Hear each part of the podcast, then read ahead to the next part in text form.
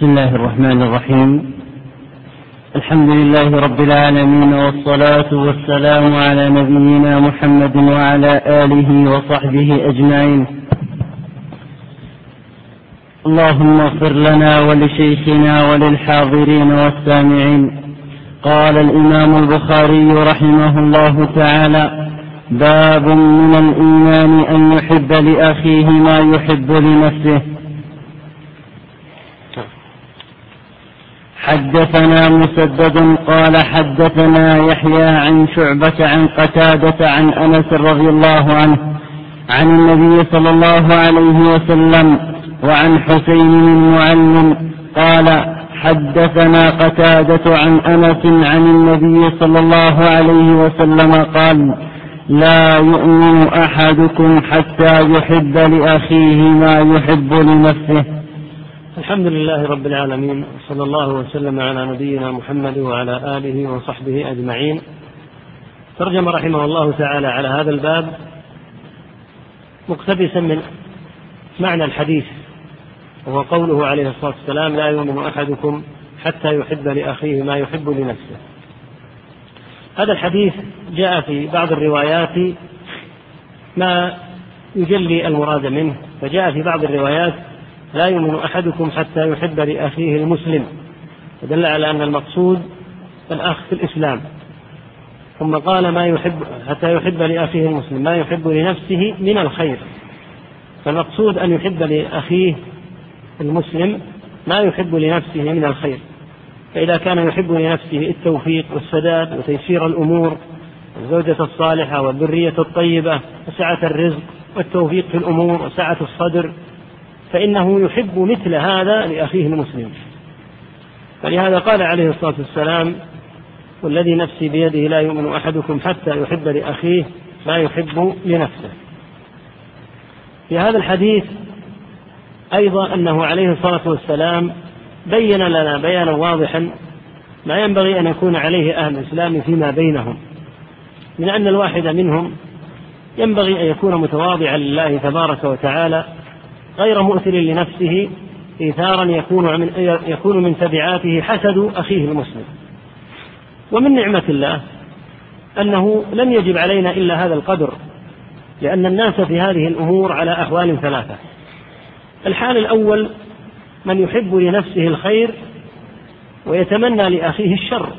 فهذا بأقبح المنازل وأردائها الحال الثاني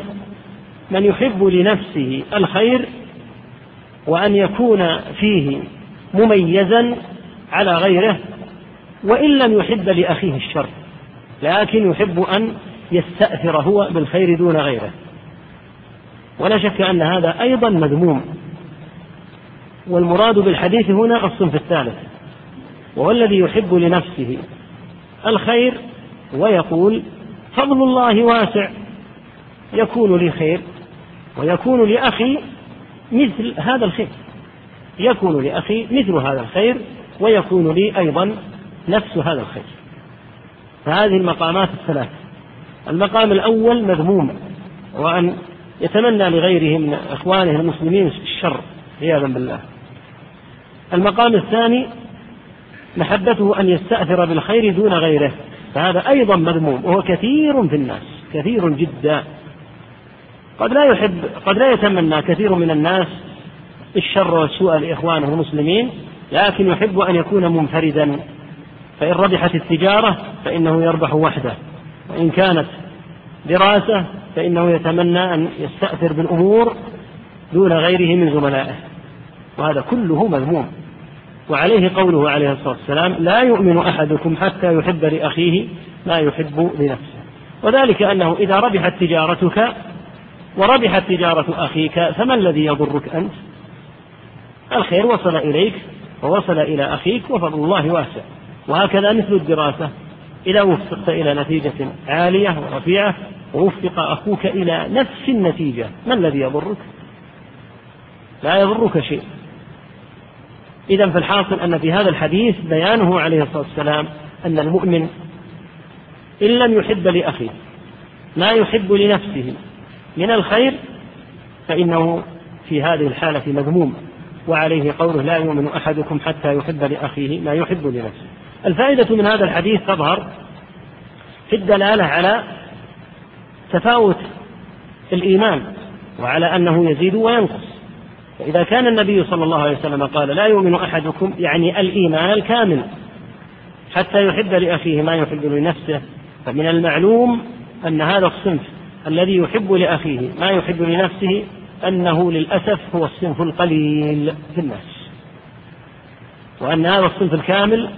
قلة في الناس الذين يحب يحبون لأنفسهم ما يحبون لإخوانهم من الخير فدل على تفاوت الإيمان وعلى أنه يتفاوت بين العباد وعلى أنه يزيد بين العباد وينقص ثم في هذا الحديث أيضا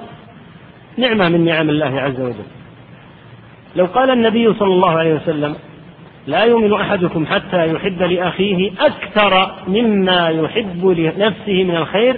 لكان المقام صعبا جدا على النفوس. لو ربط الايمان وكما لو ربط كمال الايمان بان تحب لاخيك اكثر مما تحب لنفسك لكان هذا عسرا جدا. لكن من فضل الله ان الايمان ربط هنا وك... ان كمال الايمان هنا ربط بأن تحب لأخيك نفس ما تحب لأخي لنفسك وفي الحديث أيضا أمر آخر دل عليه المقام وهو أن تبغض لأخيك ما تبغض لنفسك من الشر فإذا كنت تحب لأخيك تحب لأخيك ما تحب لنفسك فإنك أيضا تبغض أن يصيب أخاك شر تكره أن يصيبك أنت فإذا كنت تكره ألا توفق وألا ترزق وألا يتيسر أمرك فإنك تكره لأخيك أن يصيبه ذلك أيضا وهذا دل عليه المقام لأن من أحب لأخيه ما يحب لنفسه من الخير فإنه يبغض أن يصيب أخاه ما يصيبه من الشر في الحديث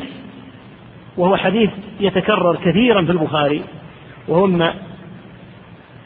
يرد كثيرا في البخاري ومسلم هذا السند شعبة عن قتادة عن أنس شعبة بن حجاج الإمام المشهور قتادة بن دعامة رحمه الله عن أنس رضي الله عنه في السند نبه البخاري إلى أمر حيث حول فقال وعن حسين المعلم قال حدثنا قتادة السبب في التنبيه إلى هذا السند أن شعبة رحمه الله تعالى هنا رواه بالعنعنة عن قتادة فنبه البخاري إلى أن حسينا المعلم زميل شعبة قد رواه عن قتادة مصرحا بالسماع ولهذا فصله لم يقل حدثنا يحيى عن حسين المعلم وعن شعبة عن قتادة لأن شعبة هنا عن عن فقال عن قتادة وهنا حسين المعلم بعده روى بصيغة التحديث فقال حدثنا قتادة عن أنس نعم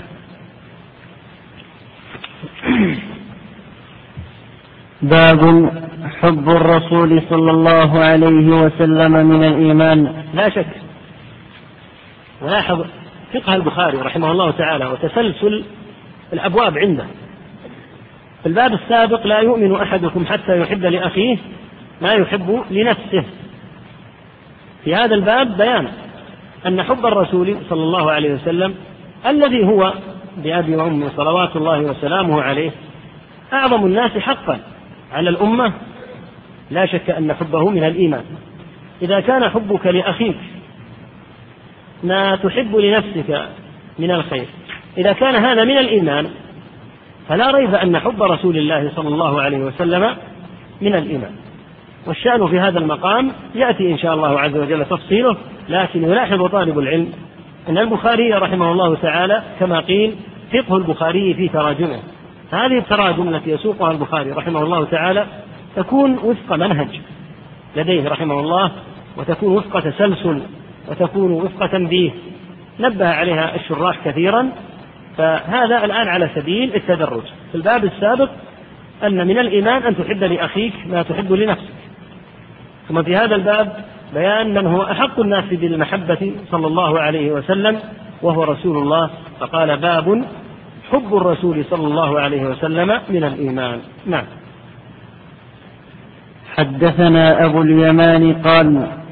أخبرنا شعيب قال حدثنا أبو الزناد عن الأعرج عن أبي هريرة رضي الله عنه أن رسول الله صلى الله عليه وسلم قال فوالذي نفسي بيده لا يؤمن أحدكم حتى أكون أحب إليه من ولده حتى أكون أحب إليه من والده وولده نعم أولا في السند أبو الزناد يروي عن الأعرج عن أبي هريرة وهذا أيضا مما يكثر في البخاري ومسلم ومزية معرفة مثل هؤلاء الرواة أنه إذا مر بك سند فيه مثلا شعبة عن قتادة في أبو الزناد عن الأعرج فتعلم بهذا أن هذا السند هذا القدر من السند صحيح فيبقى النظر في من قبل في من بعد في من سوى هؤلاء من الرواة. في هذا الحديث قوله عليه الصلاة والسلام والذي نفسي بيده. وفي هذا فائدة وهو أنه يمكن أن يحلف الإنسان في مقام لم يستحلف فيه. وذلك لا ينافي قوله تعالى واحفظوا أيمانكم نعم الأصل عدم الإكثار من الحلف عدم الإكثار من اليمين ولكن قد يقتضي المقام في بعض الأحيان الحلف من باب التأكيد من باب التوضيح فهنا ينبغي أن يلاحظ أنه قد يحتاج إلى الحلف وإن لم يستحلف الإنسان لأهمية المقام ولكبر وعظم شأن المقام وإلا فالأصل حفظ الأيمان كما قال الله تعالى ولكن هذا المقام الذي سيتحدث عنه صلى الله عليه وسلم مقام عظيم لأنه يتعلق بالإيمان يتعلق بالعقيدة فحلف صلوات الله وسلامه عليه وهو الصادق المصدوق وهو فيه دلالة على أن الإنسان يمكن أن يحلف وإن لم يستحلف بل ويمكن أن يحلف مع تصديق غيره له لكن يحلف على سبيل التنبيه والتنويه إلى الشأن الذي يحلف عليه لا يؤمن أحدكم مثل ما تقدم أي لا يؤمن الإيمان الكامل وليس معنى ذلك أن من لم يقع له مثل ما في الحديث السابق لا يؤمن أحدكم حتى يحب لأخيه ما يحب لنفسه أنه إذا لم يحب لأخيه ما يحب لنفسه ليس معناه أنه يكفر لا ولكن المقصود أنه يأثم لأنه يعني إذا قيل لا يؤمن معنى ذلك أنه وقع في إثم وهذا يدل على أن الإنسان يجب أن يكابد في مثل هذه الأمور وعلى أن يجاهد نفسه فيها لا يؤمن أحدكم حتى يحب لأخيه ما يحب لنفسه ثم في هذا الحديث بيان المرتبة التي ينبغي أن يكون فيها قدر رسول الله صلى الله عليه وسلم في النفوس فقال لا يؤمن أحدكم ما قال حتى يحبني بل قال حتى أكون أحب إليه من والده وولده وفي الرواية الآتية إن شاء الله والناس أجمعين محبة الرسول بل محبة الله تعالى ومحبة الرسول صلى الله عليه وسلم على قسمين اثنين القسم الأول أصل المحبة أصل محبة الله وأصل محبة رسوله صلى الله عليه وسلم فهذه موجودة في نفس كل مسلم أيا كانت درجته من الإيمان ومهما حتى كان من آه، مهما كانت درجته من المعصية فأصل حب الله ورسوله موجود في نفس كل مسلم ومن لم يحب الله ورسوله فإنه كافر بلا شك يعني في أصل المحبة المحبة على درجتين الدرجة الأولى أصل المحبة أن يحب الله ورسوله هذا في نفس كل مسلم فمن لم تكن محبة الله ورسوله في نفسه فليس من المسلمين قطعا ولا يتصور مسلم يقول أنا مسلم أشهد أن لا إله إلا الله وأن محمدا رسول الله ولكني لا أحب الله أو لا أحب رسول الله هذا ليس بمسلم قطعا لأن أصل حب الله وأصل حب رسول الله صلى الله عليه وسلم هذا موجود وقد ثبت عن النبي صلى الله عليه وسلم أنه أتي له بأحد أصحابه وكان شرب الخمر فجلده صلى الله عليه وسلم فقال أحد الحاضرين من أصحاب النبي صلى الله عليه وسلم لعنة الله عليه ما أكثر ما يؤتى به إلى رسول الله صلى الله عليه وسلم فقال رسول الله صلى الله عليه وسلم لا تلعنه إنه ما علمت يحب الله ورسوله مع أنه من شراب الخمور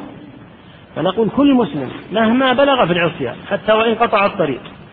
وشرب الخمر وزنى وعق والديه فيستحيل استحالة تامة أن لا يكون أصل حب الله ورسوله فيه لا بد من أصل المحبة لأن أصل المحبة هذا موجود في نفس كل مسلم بقطع النظر عن درجة إيمانه المرتبة الثانية هي المذكورة في الحديث هنا وهي أن يكون الله ورسوله أحب إليه مما سواهما في هذا الحديث في موضوع حب الرسول صلى الله عليه وسلم قال لا يؤمن أحدكم حتى أكون أحب إليه ولم يقل حتى يحبني لأن محبته يقينا موجودة في نفس كل مسلم لكن قال حتى أكون أحب إليه وهذه هي المرتبة الثانية وهي أن يكون الله ورسوله أحب إليه مما سواهما كما سيأتي في اللفظ الآخر في هذا اللفظ حتى أكون أحب إليه من والده وولده والعادة أن الإنسان أحظى من يحظى عنده فروعه أو أصوله فروعه من الأولاد وأصوله من الوالدين فقال حتى أكون أحب إليه من والده سواء كان ذكرا أو أنثى أمه أو أباه وولده الولد تشمل الذكر والأنثى البنت والابن ثم في الرواية الآتية قال والناس أجمعين حتى يكون الرسول صلى الله عليه وسلم أحب إلى العبد من ولده ووالده والناس أجمعين يعني كزوجته أو كصديق أو غيره لا يؤمن الإيمان الكامل حتى يكون الرسول صلى الله عليه وسلم أحب إليه من الولد والوالد ومن الزوجة والصديق بل كما في اللفظ الآخر حتى أكون أحب إليه من نفسه حتى يكون العبد محبا لرسول الله صلى الله عليه وسلم أكثر من نفسه ولهذا جاء في اللفظ الآخر أن عمر رضي الله عنه قال والله لأنت يا رسول الله وفي الصحيح البخاري والله لأنت يا رسول الله أحب إلي من من كل شيء إلا من نفسي قال حتى أكون أحب إليك من نفسك فقال لأنت أحب إلي من نفسي قال فالآن يا عمر فالحاصل أن حب الرسول صلى الله عليه وسلم لا يصح أن يتقدمه شيء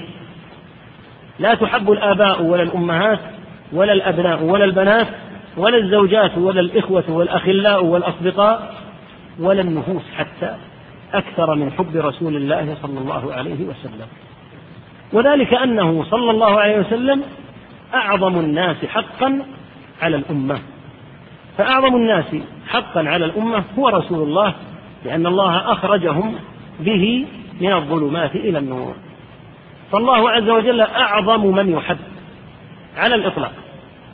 ثم الرسول صلى الله عليه وسلم هذا ما يتعلق بفقه الحديث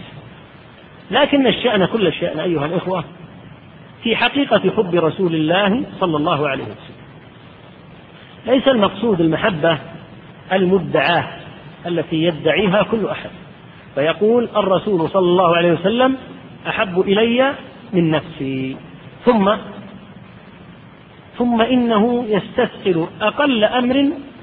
وأيسر أمر من أموره صلى الله عليه وسلم فتجد أنه يستثقل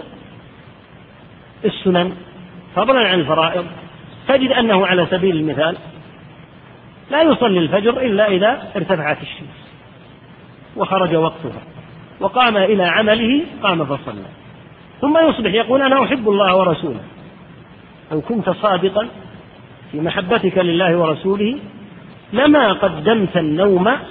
على أمر الله وأمر رسوله صلى الله عليه وسلم فالمحبة ليست شيئا يدعى دعوة وإنما المحبة كما قال الله تعالى قل إن كنتم تحبون الله فاتبعوني يحببكم الله ويغفر لكم ذنوبكم المحبة أمر في القلوب لا يعلمه إلا علام الغيوب سبحانه وتعالى ولكن آثارها تظهر وتتجلى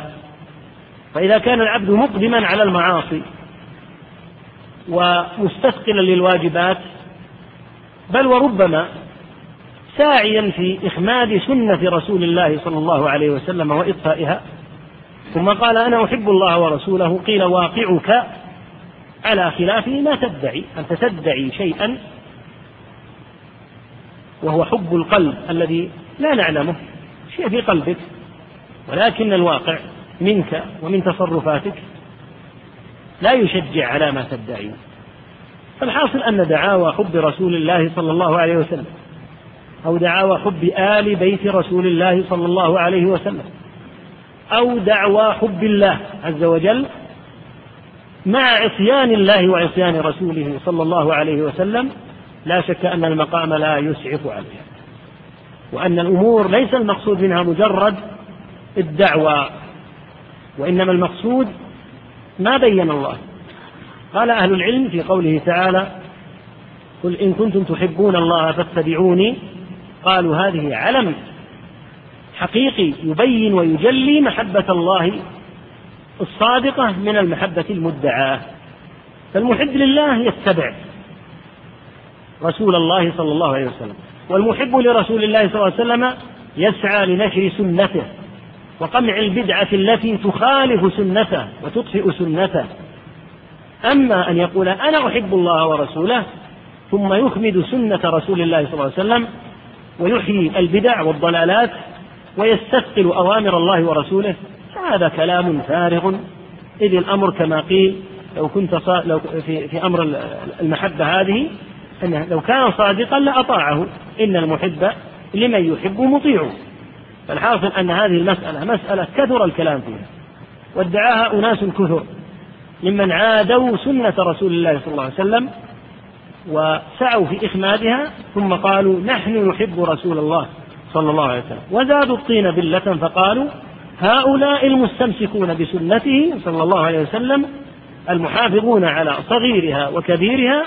الناشرون لها قدر ما يستطيعون قالوا هؤلاء لا يحبون الرسول صلى الله عليه وسلم فجمعوا البليتين البلية الأولى دعوى حب الرسول صلى الله عليه وسلم مع السعي في إسناد سنته ثم الزعم بأن المحيين لسنته صلى الله عليه وسلم مبغضون لرسول الله صلى الله عليه وسلم وهكذا يفعل من لا يخاف الله ولا يتقيه فإنه يتميز بكثرة الدعاوى يدعي أصحاب الدعاءات فإذا جاء الإثبات الحقيقي للدعوى وإذا به يدل على بطلان ما ادعوه فالحاصل أن هذا حديث يدل على أن الواجب على كل مسلم أن لا تكون حتى نفسه التي بين جنبيه أن لا تكون مقدمة في حبها على حب رسول الله صلى الله عليه وسلم بل رسول الله صلى الله عليه وسلم أعظم من يحب من يحب من البشر ولا تقدمه أي محبة إلا محبة الله تعالى فحب الله في المقام الأول ثم حب رسوله صلى الله عليه وسلم ولهذا أخذ الصحابة رضي الله عنهم من هذه المحبة بالنصيب الوافر الجلي الكبير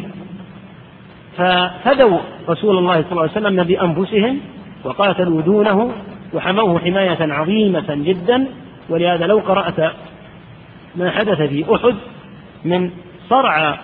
الصحابة رضي الله عنهم الذين قتلوا بين يديه عليه الصلاة والسلام لعلمت معنى حقيقة المحبة ومعنى حقيقة الاتباع فإنهم رضي الله عنهم وأرضاهم كان الواحد منهم لما كانت النبال تتجه إلى رسول الله صلى الله عليه وسلم يتترس على الرسول صلى الله عليه وسلم وش معنى يتترس يعني أنه يثني جسمه هكذا حتى تكون النبل في ظهره بدلا من أن تصيب الرسول صلى الله عليه وسلم وهكذا قاتل دونه الأنصار رضي الله عنهم حتى صرع سبعة كلهم بين يديه عليه الصلاة والسلام في أحد أيضا حتى لا ينال رسول الله صلى الله عليه وسلم فالمحبة شيء يدل عليها الواقع أما أمور القلوب فإلى علام الغيوب سبحانه وتعالى فمن سعى في حماية سنة رسول الله صلى الله عليه وسلم ونشرها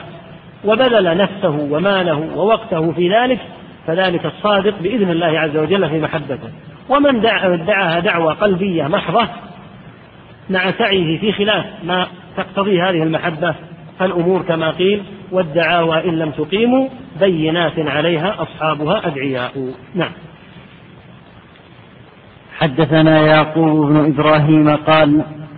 حدثنا ابن علية عن عبد العزيز بن صهيب عن أنس عن النبي صلى الله عليه وسلم حق. وحدثنا آدم قال حدثنا شعبة عن قتادة عن أنس قال قال النبي صلى الله عليه وسلم لا يؤمن أحدكم حتى أكون أحب إليه من والده وولده والناس أجمعين في الحديث لما ذكر البخاري رحمه الله هذه طريقة من طرق المحدثين إذا وصل إلى سند فإن من طرائقهم أن يحولوا إلى سند آخر وهذا معنى قوله بعد أن روى الحديث السند السابق عن النبي صلى الله عليه وسلم حاء هذه الحاء تحويل من سند إلى سند آخر في هذا اللفظ زيادة وهي أنه قال عليه الصلاة والسلام لا يؤمن أحدكم حتى أكون أحب إليه من والده وولده ففي حديث أنس هنا زيادة على حديث أبي هريرة السابق وهي قوله والناس أجمعين لأن من الناس من قد يكون هناك من هو أحب إليه من والده وولده كمن يحب مثلا زوجته أو من يحب صديقا محبة شديدة قد تفوق والده آه، وولده فجاء هذا اللفظ المهم وهو قوله والناس أجمعين فلا يحب أحد قبل رسول الله صلى الله عليه وسلم أيا كانت جهة محبته من جهة بنوة من جهة أبوة من جهة أمومة من جهة عمومة من جهة خؤولة من جهة صداقة من جهة زواج أو من غيرها فيكون رسول الله صلى الله عليه وسلم هو أحب الناس إليك قبل أي شيء سواه نعم باب حلاوة الإيمان حدثنا محمد بن المثنى قال حدثنا عبد الوهاب الثقفي قال حدثنا أيوب عن, عن أبي قلابة عن أنس عن النبي صلى الله عليه وسلم قال ثلاث من كن فيه وجد حلاوة الإيمان أن يكون الله ورسوله أحب إليه مما, سواه مما سواهما وأن يحب المرء لا يحبه إلا لله وأن يكره أن يعود في الكفر كما يكره أن يقذف في النار في هذا الحديث أو قبله في الترجمة مثل ما قلنا في ترجمة البخاري وتسلسلها ذكر في الباب السابق ما يتعلق بحب رسول الله صلى الله عليه وسلم ثم ذكر هنا ما الذي يترتب على هذه المحبة وهو حلاوة الإيمان وهذا من تسلسل التبويب عنده رحمه الله تعالى في هذا الحديث ذكر حلاوة الإيمان باب حلاوة الإيمان حلاوة الإيمان هذه تكون للصدق في الإيمان من صدق في إيمانه وجد حلاوة الإيمان وجعل النبي صلى الله عليه وسلم هذه الأمور الثلاث العظام من اتصف بها وجد حلاوة الإيمان الحلاوة معلومة يعلم الناس الحلاوة الحسية الحلاوة الحسية معلومة عند الجميع كحلاوة العسل ونحوه فهذه حلاوة حسية حلاوة الإيمان يدركها المؤمن من قلبه من شراح صدره وطيب نفسه واطمئنان قلبه وذلك أن هذه الأمور الثلاثة إذا وجدت في العبد فقد بلغ رتبة كبيرة ولكن كما قلنا إذا وجدت لا على سبيل الدعوة ولكن على سبيل الحقيقة الأمر الأول أن يكون الله ورسوله أحب إليه مما سواهما فلا أحد يحب أعظم من محبة الله تعالى ومحبة الرسول صلى الله عليه وسلم ثم إن محبة الله ورسوله معلوم عند كل مسلم أن الله تعالى يحب محبة لا يحبها أحد لا الرسول صلى الله عليه وسلم ولا غيره لأن حب الله عز وجل حب عبادة ولهذا يقول أهل العلم في محبة الله إنها المحبة التي لا تصلح إلا لله بضابط هو أن تتضمن كمال الخضوع ونهاية الذل فمحبة الله تعالى على هذا الحد لأنها محبة عبادة تتضمن خضوعا لله تعالى وأي خضوع كمال الخضوع قمة الخضوع ونهاية الذل فهذه لا تكون إلا لله عز وجل ثم لحبه لله تفرعت عليها جميع المحاب فمحبة الرسول صلى الله عليه وسلم على عظم قدرها فرع عن محبة الله فإنك تحب الرسول صلى الله عليه وسلم فرعا عن محبتك لله فمع أن محبة الرسول صلى الله عليه وسلم هي أعظم المحاب البشرية إلا أن الأصل هو حب الله فيتفرع عن حب الله عز وجل أن تحب ما أحب الله فمحبة الرسول صلى الله عليه وسلم فرع عن حب الله عز وجل إذ حب الله عز وجل هو حب العبادة المتضمن كمال الذل ونهاية الخضوع فهذه الأمور الثلاثة إذا اتصف بهن العبد وجد حلاوة الإيمان أن يكون الله ورسوله أحب إليه مما سواهما من جميع المحاب الأخرى كما تقدم غير مرة وأن يحب المرء لا يحبه إلا لله إذا أحب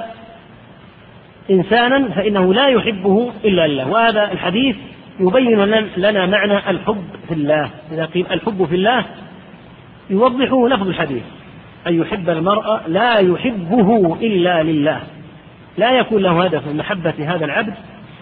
إلا أنه مطيع لله ملتزم سنة رسول الله صلى الله عليه وسلم فيحبه لأجل ذلك لا يحبه لأي مطمع يطمع فيه ولا يحبه لمجرد هدف من الأهداف الدنيوية المادية يرجو أن ينالها على يديه أو يكون الحب لأجل أنه فقط أحسن إليه لكن أصل حبه أنه أحبه لله تعالى وأن يحب المرأة لا يحبه إلا لله ثم ذكر الأمر الثالث وأن يكره أن يعود في الكفر بعد إذ أنقذه الله تعالى منه كما يكره أن يقذف في النار المؤمن يبغض الكفر بغضاء شديدة إلى الحد الذي يكون كما في اللفظ في اللفظ الآخر أن يكون إلقاؤه في النار أهون عليه وأحب إليه من أن يعود إلى الكفر وقوله أن يعود إلى الكفر ليس معنى ذلك فقط من كان كافرا ثم أسلم يكره أن يعود إذا اللفظ أشمل بل الذي نشأ في الإسلام ولم يكفر قط يكره أن يرتد على عقبيه عياذا بالله يكره هذا كراهية شديدة إلى الحد الذي يسهل عليه لو خير بين أمرين وهو أن يعود إلى الكفر أو أن يقذف في النار لكان الأسهل عليه أن يقذف في النار ولا يعود إلى الكفر فإذا كان العبد بهذه بهذه المثابة من التشبث بدين الله والبغض العظيم لما خالفه وهو الكفر فإنه يجد حلاوة الإيمان في هذا الحديث يمكن استنباط فضيلة من ثبت حين عرض عليه الكفر أو أن يقتل أن ثباته أفضل من أكره على الكفر إكراها إما أن يقتل أو أن يكفر فمن المعلوم أن الله قد رخص له سبحانه وتعالى من كفر بالله من بعد إيمانه إلا من أكره وقلبه مطمئن بالإيمان فإذا أكره على الكفر عياذا بالله وقلبه مطمئن بالإيمان فإنه إذا تلفظ بالكفر لا يضره لكن هل الأولى أن يثبت ويرغم أنف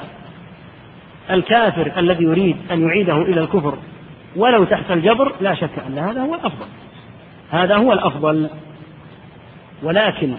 الترخيص له بالكفر في هذه الحالة مع اطمئنان قلبه الترخيص له في الحقيقة بإظهار الكفر وإلا ليس هناك كفر لكن تحت وطأة التهديد الشديد الترخيص له مجرد توسعة لكن لو أنه ثبت حتى قتل لكان ذلك أفضل فالمقام من مقامين المقام الأول مقام جواز وتوسعة بشرط اطمئنان القلب بالإيمان والمقام الثاني مقام فضيلة فالثابت كما ثبت الأنصاري رضي الله عنه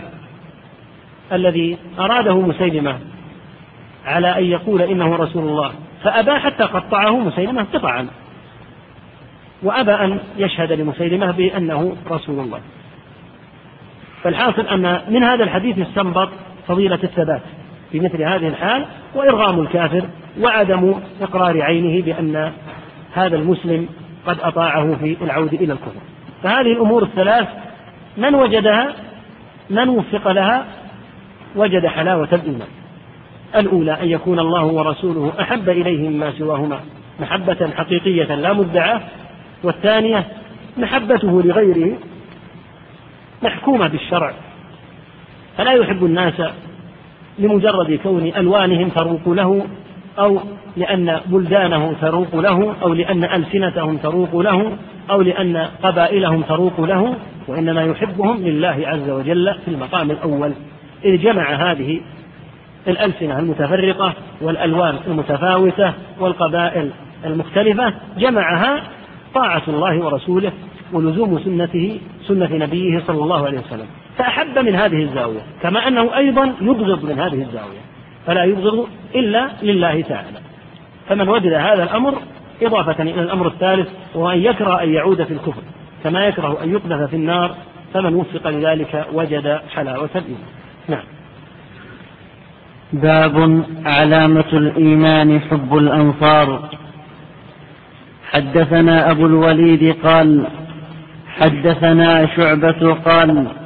أخبرني عبد الله بن عبد الله بن جبر قال سمعت أنسا عن النبي أخبرني عبد الله أخبرني عبد الله بن عبد الله ابن جبر قال ابن الأخيرة ابن جبر يعني بدل مما قبلها مضاف إليه نعم أخبرني عبد الله بن عبد الله ابن جبر قال سمعت أنسا عن النبي صلى الله عليه وسلم قال آية الإيمان حب الأنصار وآية النفاق بغض الأنصار في هذا الحديث أيضا علامة من علامات الإيمان وهو المراد بقوله صلى الله عليه وسلم آية الإيمان آية الإيمان أي علامته آية الإيمان وعلامته ودليله الشاهد عليه حب الأنصار رضي الله تعالى عنهم وأرضاهم وذلك أن الأنصار وهم الأوس والخزرج من أهل المدينة نصروا النبي صلى الله عليه وسلم وآووه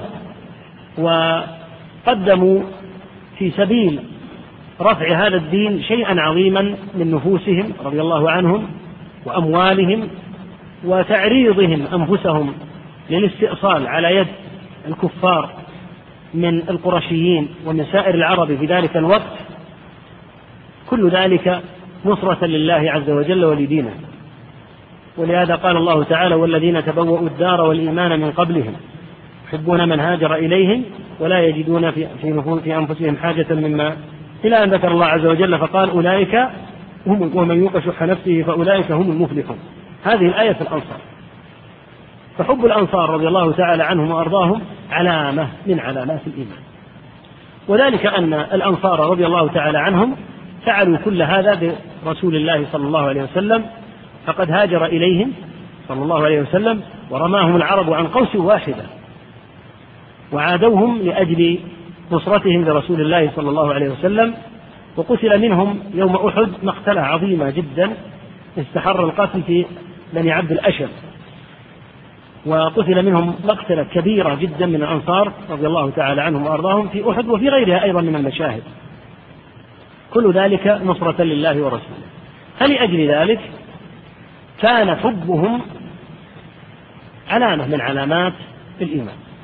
وفي الوقت نفسه كان بغضهم علامة من علامات النفاق بغض الأنصار علامة على أن مبغضهم منافق وذلك أن مبغض الأنصار على أي شيء يبغضهم لماذا يبغض الأنصار ما الذي في الأنصار يحمل على بغضائهم أناس آمنوا ونصروا رسول الله صلى الله عليه وسلم وبذلوا أموالهم عليهم رضوان الله بذلوا أموالهم من إخوانهم من المهاجرين حتى قال سعد بن الربيع لعبد الرحمن بن عوف رضي الله عنهما إن لي زوجتين يطلق إحداهما فإذا اعتدت فتزوج فتزوجها وإني من أكثر الأموال من أكثر الأنصار مالا فأقاسمك مالي أعطيك النصف من مالي فقال بارك الله لك في أهلك ومالك وأبى ولكن دلني على السوق فأعطوا المهاجرين رضي الله عنهم وأرضاهم ما استطاعوا من أموالهم وآووا رسول الله صلى الله عليه وسلم فكان بغضهم دلالة على خبث مبغضهم وعلى أنه منافق لأن ما الذي يحمل على بغض الأنصار هؤلاء القوم الذين آمنوا ونصروا رسول الله صلى الله عليه وسلم لما يبغضهم المبغض لا يبغضهم إلا لدغل في قلبه على رسول الله صلى الله عليه وسلم لأنهم أي ذنب لهم أتكون أيكون إيواء رسول الله صلى الله عليه وسلم وإيواء أصحابه والجهاد في سبيل الله حتى تزهق النفوس فيكون سببا للحب أو للبغض لا شك أنه سبب للحب فمن أبغضهم مع هذا دل على أنه منافق ثم إن هذا الحديث فيه فائدة عظيمة جدا وهي أنه إذا قيل هذا في الأنصار مع أن المهاجرين أفضل من الأنصار بلا ريب فبغض المهاجرين من باب أولى دلالة على النفاق ولهذا كان بغض الصحابة رضي الله عنهم من المهاجرين والأنصار جميعا علامة من علامات الزندقة كما قال أهل العلم بغض الصحابة والدغل على الصحابة هو علامة من علامات كون الإنسان منافقا زندقا وذلك أن الصحابة رضي الله تعالى عنهم وأرضاهم هم الذين حملوا الإسلام إلى الأمة وجاهدوا حتى نشروه في أنحاء الأرض وكانوا المعين بعد الله عز وجل لرسول الله صلى الله عليه وسلم فيما أمره الله عز وجل به من أداء دينه وتبليغ رسالته حتى ترك المهاجرون رضي الله تعالى عنهم وأرضاهم تركوا بلادهم وتركوا أموالهم وعادوا صعاليك فقراء في المدينة في مكان غربة وأموالهم ليست معهم وأهلوهم قد نأوا وأبعدوا عنهم ولهذا سموا بالمهاجرين لأنهم هجروا بلادهم فما الذي يحمل على بغض الصحابة هؤلاء الذين فعلوا كل هذه الأمور أولا هؤلاء الصحابة رضي الله عنهم وأرضاهم كما قال الله تعالى كنتم خير أمة فهم أسعد الناس بهذه الآية أسعد الناس بهذه الآية هم الصحابة لأنها نزلت فيهم في المقام الأول والأمة تبع الأمة تبع لهم في هذه الخيرية فهذه الأمة هي خير الأمم وسادة الأمة هم الصحابة بعد رسولها صلى الله عليه وسلم في هذه الخيرية فمن أبغض الصحابة رضي الله تعالى عنهم وأرضاهم لا شك أنه قد أفصح عن دخيلة خبيثة في نفسه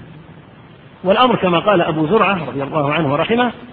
إذا رأيت الرجل يبغض الرجل من أصحاب يبغض أصحاب النبي صلى الله عليه وسلم فاعلم أنه زنديق لماذا؟ قال لأن هؤلاء هم الذين نقلوا لنا القرآن ونقلوا لنا السنن فأرادوا أن يقدحوا في شهودنا حتى يبطل إيش؟ المشهود به لأن إذا طعن في الصحابة رضي الله عنهم فمن الذي بلغ الناس القرآن؟ ومن الذي بلغهم الإسلام والأحكام؟ إذا طعن في الشهود طعن في المشهود به نفسه بحيث لا يبقى ثقة لا في القرآن ولا في السنن ولا في الأحكام الحاصل أن من العلامات الجلية الواضحة للإيمان حب الأنصار ومن باب أولى حب المهاجرين ومن علامات النفاق بغض الأنصار ومن باب أولى بغض المهاجرين فإن جمع الشر كله فأبغض المهاجرين والأنصار فقد أفصح عن دخيلة نفسه عياذا بالله ودل على نفاقه ولهذا تجد الذين يبغضون الصحابة هم المنافقون هم المنافقون لا تجد مبغضا للصحابة إلا وهو من أهل النفاق فبغض الصحابة رضي الله تعالى عنهم وأرضاهم عكس ما أمر الله به من يعني الاستغفار لهم في قوله سبحانه وتعالى والذين جاءوا من بعدهم يقولون ربنا اغفر لنا ولإخواننا الذين سبقونا بالإيمان وعكس ما يقتضيه اختيار الله عز وجل واصطفاؤه لهم وشهادته بخيريتهم كنتم خير أمة فهذا يقول هم شر الأمة والله يقول هم خير الأمة فلا ريب أن هذه علامة جلية ومن أحسن ما في هذه العلامة أنها باقية إلى قيام الساعة تظهر وتجلي وتوضح حقيقة المنافقين من حقيقة المؤمنين فإن أهل الإيمان في هذا الوقت وإلى قيام الساعة ومن قبلنا قد طوقت أعناقهم منة الصحابة رضي الله عنهم وأرضاهم الذين نقلوا القرآن إليهم وعلموهم أحكام الله في الصلاة والزكاة والصوم والحج وغيرها من الأحكام فلهم على من بعدهم المنة بعد الله تعالى إلى قيام الساعة وكل فضل وكل خير في الأمة فقد وقع على يد رسول الله صلى الله عليه وسلم وبلغه أصحابه فللنبي صلى الله عليه وسلم أجور الأمة كلها من الصحابة إلى آخر مؤمن إلى قيام الساعة وللصحابة رضي الله عنهم بعد رسول الله صلى الله عليه وسلم أجر الأمة لأنهم علموا التابعين والتابعون علموا أتباعهم ثم علموه إلى بقية الأمة إلى قيام الساعة وقد ثبت عن النبي صلى الله عليه وسلم أنه قال من دل على هدى فله مثل أجر من فعله الصحابة قد دلوا على هذا الهدى علموا الناس القرآن والأحكام والإسلام وجاهدوا في ذلك حق الجهاد رضي الله عنهم وأرضاهم وبالتالي فلهم أجر كل من عمل إلى قيام الساعة فأي موجب لبغض الصحابة إلا النفاق والدلالة على هذا في الأنصار متعينة في المهاجرين بغض الأنصار علامة من علامات النفاق فكذلك بغض المهاجرين فإذا أبغض المهاجرين والأنصار معا فما حمله على بغضهم إلا بغضه لمن رباهم صلى الله عليه وسلم هؤلاء نتاج تربية النبي صلى الله عليه وسلم أبو بكر وعمر وعثمان وعلي والعشرة والمهاجر والأنصار من رباهم من علمهم كانوا مشركين يعبدون الأوثان في الجملة في العموم لا يعرفون شيئا كما قال تعالى وإن كانوا من قبل لفي ضلال مبين ثم بعث الله هذه الرحمة المهداة محمد بن عبد الله صلى الله عليه وسلم فأطاعوه وفدوه بأنفسهم وأموالهم وقدموه على كل شيء ولهذا قال بعضهم إن الصحابة رضي الله عنهم أصلا يعدون ماذا؟ علامة من علامات النبوة أن يوجد لرسول مثل هؤلاء الصحابة رضي الله عنهم علامة علامة علامة على ماذا على أن الذي رباهم نبي هذه التربية لا تكون إلا من نبي أن ينشأ رجل مثل أبي بكر وعمر وعثمان وعلي بهذه المرتبة العظيمة الكبيرة هذه تربية نبي لا تكون تربية شخص عادي قالوا فهم يعدون علامة على نبوة محمد صلى الله عليه وسلم لعظم قدره لأنك يعني مهما ربيت وبذلت وفعلت فلن تربي أناسا يكونوا كالصحابة فإذا قدح فيهم قدح في مربيهم صلى الله عليه وسلم وهذا وجه النفاق الآن الطعن في الصحابة يعود إلى الطعن في الرسول صلى الله عليه وسلم يعني إذا قيل أنهم منافقون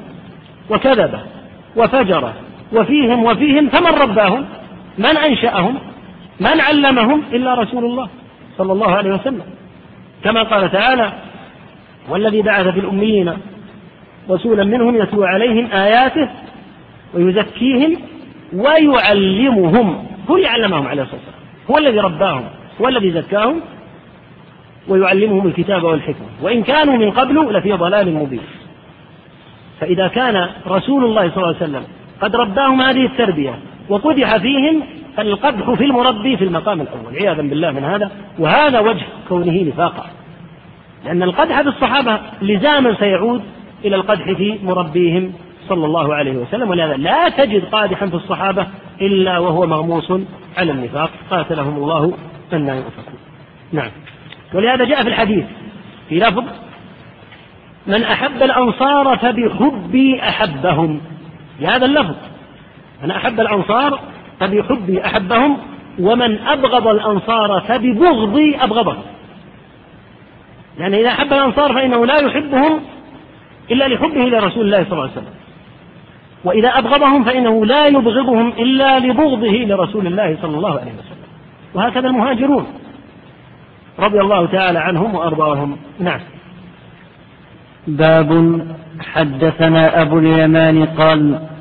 أخبرنا شعيب عن الزهري قال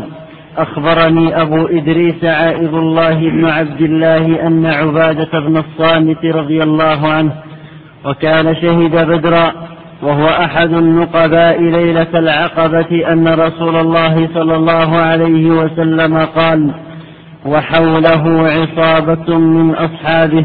بايعوني على أن لا تشركوا بالله شيئا ولا تسرقوا ولا تزنوا ولا تقتلوا أولادكم ولا تأتوا ببهتان تفترونه بين أيديكم وأرجلكم ولا تعصوا في معروف فمن وفى, فمن وفى منكم فأجره على الله ومن أصاب من ذلك شيئا فعوقب في الدنيا فهو كفارة له ومن أصاب من ذلك شيئا ثم ستره الله فهو إلى الله إن شاء عفى عنه وإن شاء عاقبه فبايعناه على ذلك هذا الحديث هذا الباب أولا ليس له ترجمة وهذه من الأبواب الموجودة في البخاري فيقول باب حدثنا هذا النوع من التراجم يكون بمثابة الفاصل بين الأحاديث ويكون له تعلق بالترجمة السابقة لأنه لو كان مستقلا لترجم عليه ترجمة مستقلة فقوله باب ثم إيراده حديث تجد في الغالب أن هذا الحديث له تعلق بما قبله فيكون بمثابة الفاصل في هذا الحديث أن عبادة بن الصامت رضي الله عنه وهو من أهل بدر وهو أيضا أحد النقباء الذين كانوا ليلة العقبة والمراد بليلة العقبة الليلة التي اجتمع الأنصار رضي الله تعالى عنهم وأرضاهم عند رسول الله صلى الله عليه وسلم قبل أن يهاجر وبايعوه في تلك الليلة ليلة العقبة وكانوا قد وفدوا إلى الحج الأنصار رضي الله عنهم كان النبي صلى الله عليه وسلم يشهد الحج قبل أن يهاجر ويقول يا معشر العرب ألا رجل يحملني إلى قومه فإن قريشا منعوني أن أبلغ رسالة ربي فكان العرب يردون عليه ردا خبيثا في العموم الأغلب أو لا يكترثون بطلبه حتى حصل من لطيف قدر الله تعالى أن أتى ستة مباركون من الخزرج رضي الله عنهم كلهم من الخزرج فلما سمعوا مقالة النبي صلى الله عليه وسلم استمعوا إليه فلما سمعوا كلامه استفادوا علما حمله إليهم اليهود ولم يستفد منه اليهود كما في الحديث رب حامل فقه إلى من هو أفقه منه كان اليهود يقولون للأنصار إنه قد أضل زمان نبي من وصفه كذا ومن شأنه كذا ويأمر بكذا فلما سمع هؤلاء الخزرج الستة ما يأمر به النبي صلى الله عليه وسلم قالوا لبعضهم يا معشر يا, يا قوم والله إنه لرسول الله الذي تهددكم به اليهود لأن اليهود يقولون هذا الرسول سيبعث وسنقتلكم معه قالوا فلا تسبقن إليه فأسلم هؤلاء الستة المباركون رضي الله تعالى عنهم وأرضاهم ثم رجعوا إلى المدينة وانتشر الإسلام في المدينة جاءت بيعة العقبة البيعة الأولى ليس فيها قتال وإنما فيها ما يعرف ببيعة النساء المذكورة في قوله تعالى إذا جاءك المؤمنات يبايعنك على أن لا يشركن بالله شيئا ولا يسرقن ولا يزنين ولا يقتلن أولادهن ولا يأتين ببهتان يفترينه بين أيديهن وأرجلهن ولا يعصينك في معروف هذه البيعة تبايع تبايعها المرأة إذا أرادت الإسلام عدم الشرك عدم السرقة عدم الزنا إلى آخره وليس فيها ذكر للقتال بايعت هذه العصابة والمقصود العصابة الجماعة مجموعة منهم رضي الله عنهم قال عليه الصلاة والسلام وحوله هؤلاء الرهط الكرام بايعوني على أن لا تشركوا بالله شيئا ولا تسرقوا ولا تزنوا ولا تقتلوا أولادكم ولا تأتوا ببهتان تفترونه بين أيديكم وأرجلكم ولا تعصوا في معروف هذه المسمات ببيعة النساء هذه البيعة الأولى ولم يهاجر النبي صلى الله عليه وسلم لما بايعوه هذه البيعة وإنما هاجر في العام الذي بعده بعد أن بايعوه على أن يحموه مما يحمو منه أبناءهم ونساءهم فهاجر عليه الصلاة والسلام إليهم بعد ذلك قال عليه الصلاة والسلام فمن وفى منكم هؤلاء المبايع هؤلاء المبايعون من الأنصار رضي الله تعالى عنهم وأرضاهم لأن عبادة والنقباء هؤلاء جعل النبي صلى الله عليه وسلم على هؤلاء الأنصار مجموعة من النقباء يكون مثابة الرؤوس فيهم وكان منهم عبادة بن الصامت كان أحد النقباء رضي الله عنهم أجمعين قال عليه الصلاة والسلام فمن وفى منكم يعني بهذه البيعة فأجره على الله ومن أصاب من ذلك شيئا فعوقب في الدنيا فهو كفارة له يعني لو سرق إنسان منكم يا من بايعتم وكذا من هو بعدكم سرق فعوقب على سرقته بقطع يده أو زنى فعوقب إن كان بكرا بجلده وإن كان ثيبا برجله فمن أصاب من ذلك شيئا خالف فعوقب في الدنيا بإقامة الحد عليه فهو كفارة له يكفر الله عز وجل عنه بهذا الحد الذي أقيم عليه ما اقترف من هذا الذنب ومن أصاب من ذلك شيئا ثم ستره الله سرق ولم يعرف به أحد ولم يقم عليه الحد أو زنى فأمره إلى الله إن شاء الله عز وجل عفى عنه وإن شاء عاقبه فبايعوه رضي الله تعالى عنهم على ذلك هل يقال إن الحدود كفارة بمعنى أن من أقيم عليه الحد كفر ذنبه يعني إنسان قتل إنسانا فقتل لأنه قتل أخاه المسلم فهل يقال إن قتله كفر ذنبه فلا يعاقب في الآخرة أو يقال هذه عقوبة الدنيا وفي الآخرة مرده إلى الله إن شاء عفى عنه وإن شاء عاقبه قد اختلف أهل العلم رحمهم الله في المسألة فمنهم من يقول إن الله لا يجمع عليه عقوبتين عقوبة الدنيا بقطع يده إن كان سارقة أو جلده إن كان شاربا أو قتله إن كان قاتلا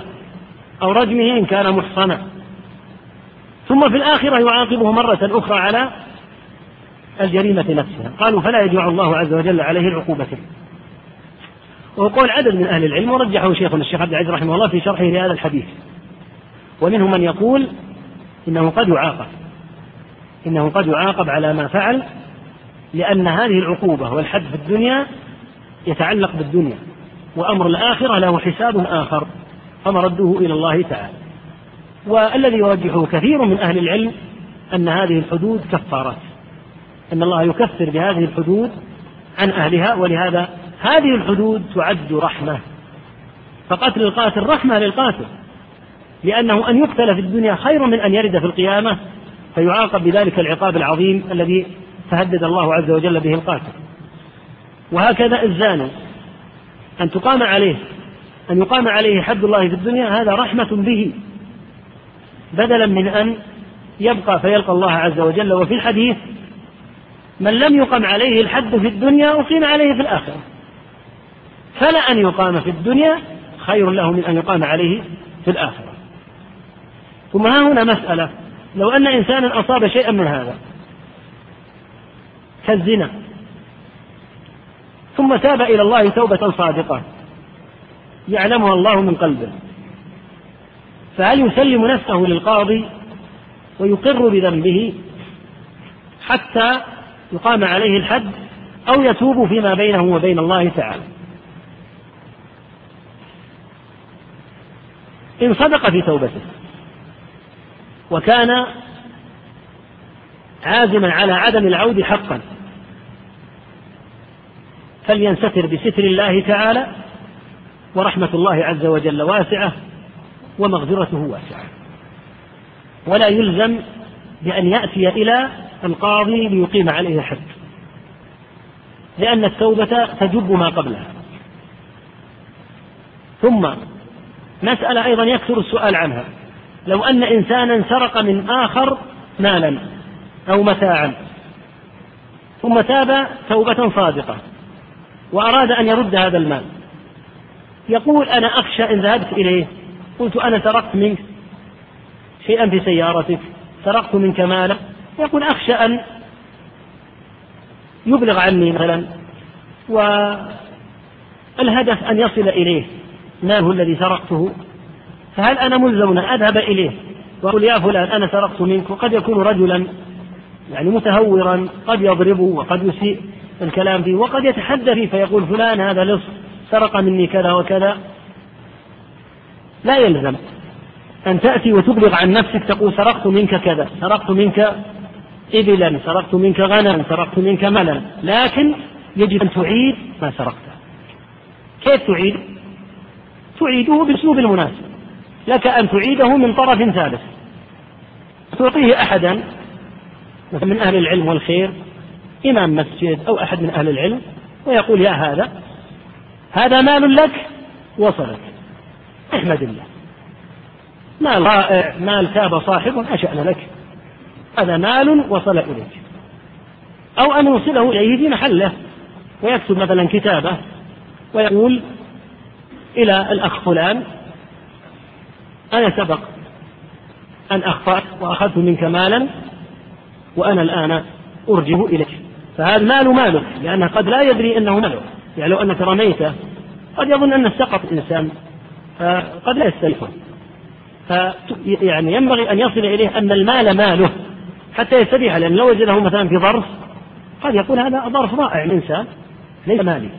فيصل إليه الأمر وليس بالضرورة أنك تأتي وتشهر نفسك وتقول أنا الذي سرقت منك الحال أن في هذا الحديث ما يتعلق بأمر الإيمان وهو مرتبط أيضا بالأنصار رضي الله تعالى عنه وأراهم أن من كمل هذه البيعة فلا شك أن ذلك كمال إيمانه ومن نقص منها فذلك للإيمان نعم باب من الدين الفرار من الفتن حدثنا عبد الله بن مسلمة عن مالك عن عبد الرحمن بن عبد الله بن عبد الرحمن بن أبي صعصعة عن أبيه عن أبي سعيد الخدري رضي الله عنه أنه قال قال رسول الله صلى الله عليه وسلم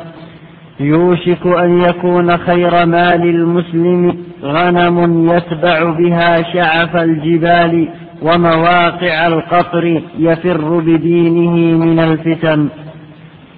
ترجم رحمه الله تعالى على هذا الباب بما يدل على قوة إيمان العبد وذلك أن البلاد والبقاء فيها عند الأهل ولديك مالك واطمئنانك وراحتك هذا أمر أمير النفوس بلا شك ولكن إذا وجدت الفتن والعياذ بالله التي لا يمكن معها فإن دين أحرى من كل شيء فالدين هو المقدم على كل شيء هو المقدم على الأوطان هو المقدم على الأمل هو مقدم على العشائر ومقدم على النفوس فهذا يفر المرء بدينه من الفتن يعني زودت الفتن ولا مناص وملجأ ومهر لا حيلة إلا للبعد والتأنيث فإنه لا حيلة للعبد بذلك هذا يقع على بالله في أحوال الفتن إذا أصابت الفتنة اشتدت فر الإنسان بدينه من الفتنة وقد لا يجد موضعا من يكون المواضع السليمة أن ينتقل من بلد إلى بلد فقد تكون الفتن عياذا بالله عامة ولهذا جاء هذا الحديث يوشك يعني يقترب يقرب أن يكون خير مال المسلم غنم يتبع بها شعر الجبال يعني رؤوس الجبال وواقع القطر يعني حيث الماء حيث المطر يرعى هذه الأغنام ما الذي حمله على الخروج من بلده وأخذ الغنم والذهاب في هذه البراري مع قلة من يسلك وترك البلاد قال يفر بدينه من الفتن وهذا من كمال الإمام العظيم لأنه إذا لم يكن مجال للمفتي في البلد في أحوال الفتن فلا بد أن يحظى الإنسان بدينه ولهذا جاء في حديث حذيفة رضي الله عنه لما سأل النبي صلى الله عليه وسلم عن الشر الذي يقع قال إنا كنا في جاهلية وشر فجاءنا الله بهذا الخير فهل بعد هذا الخير من شر؟ قال نعم.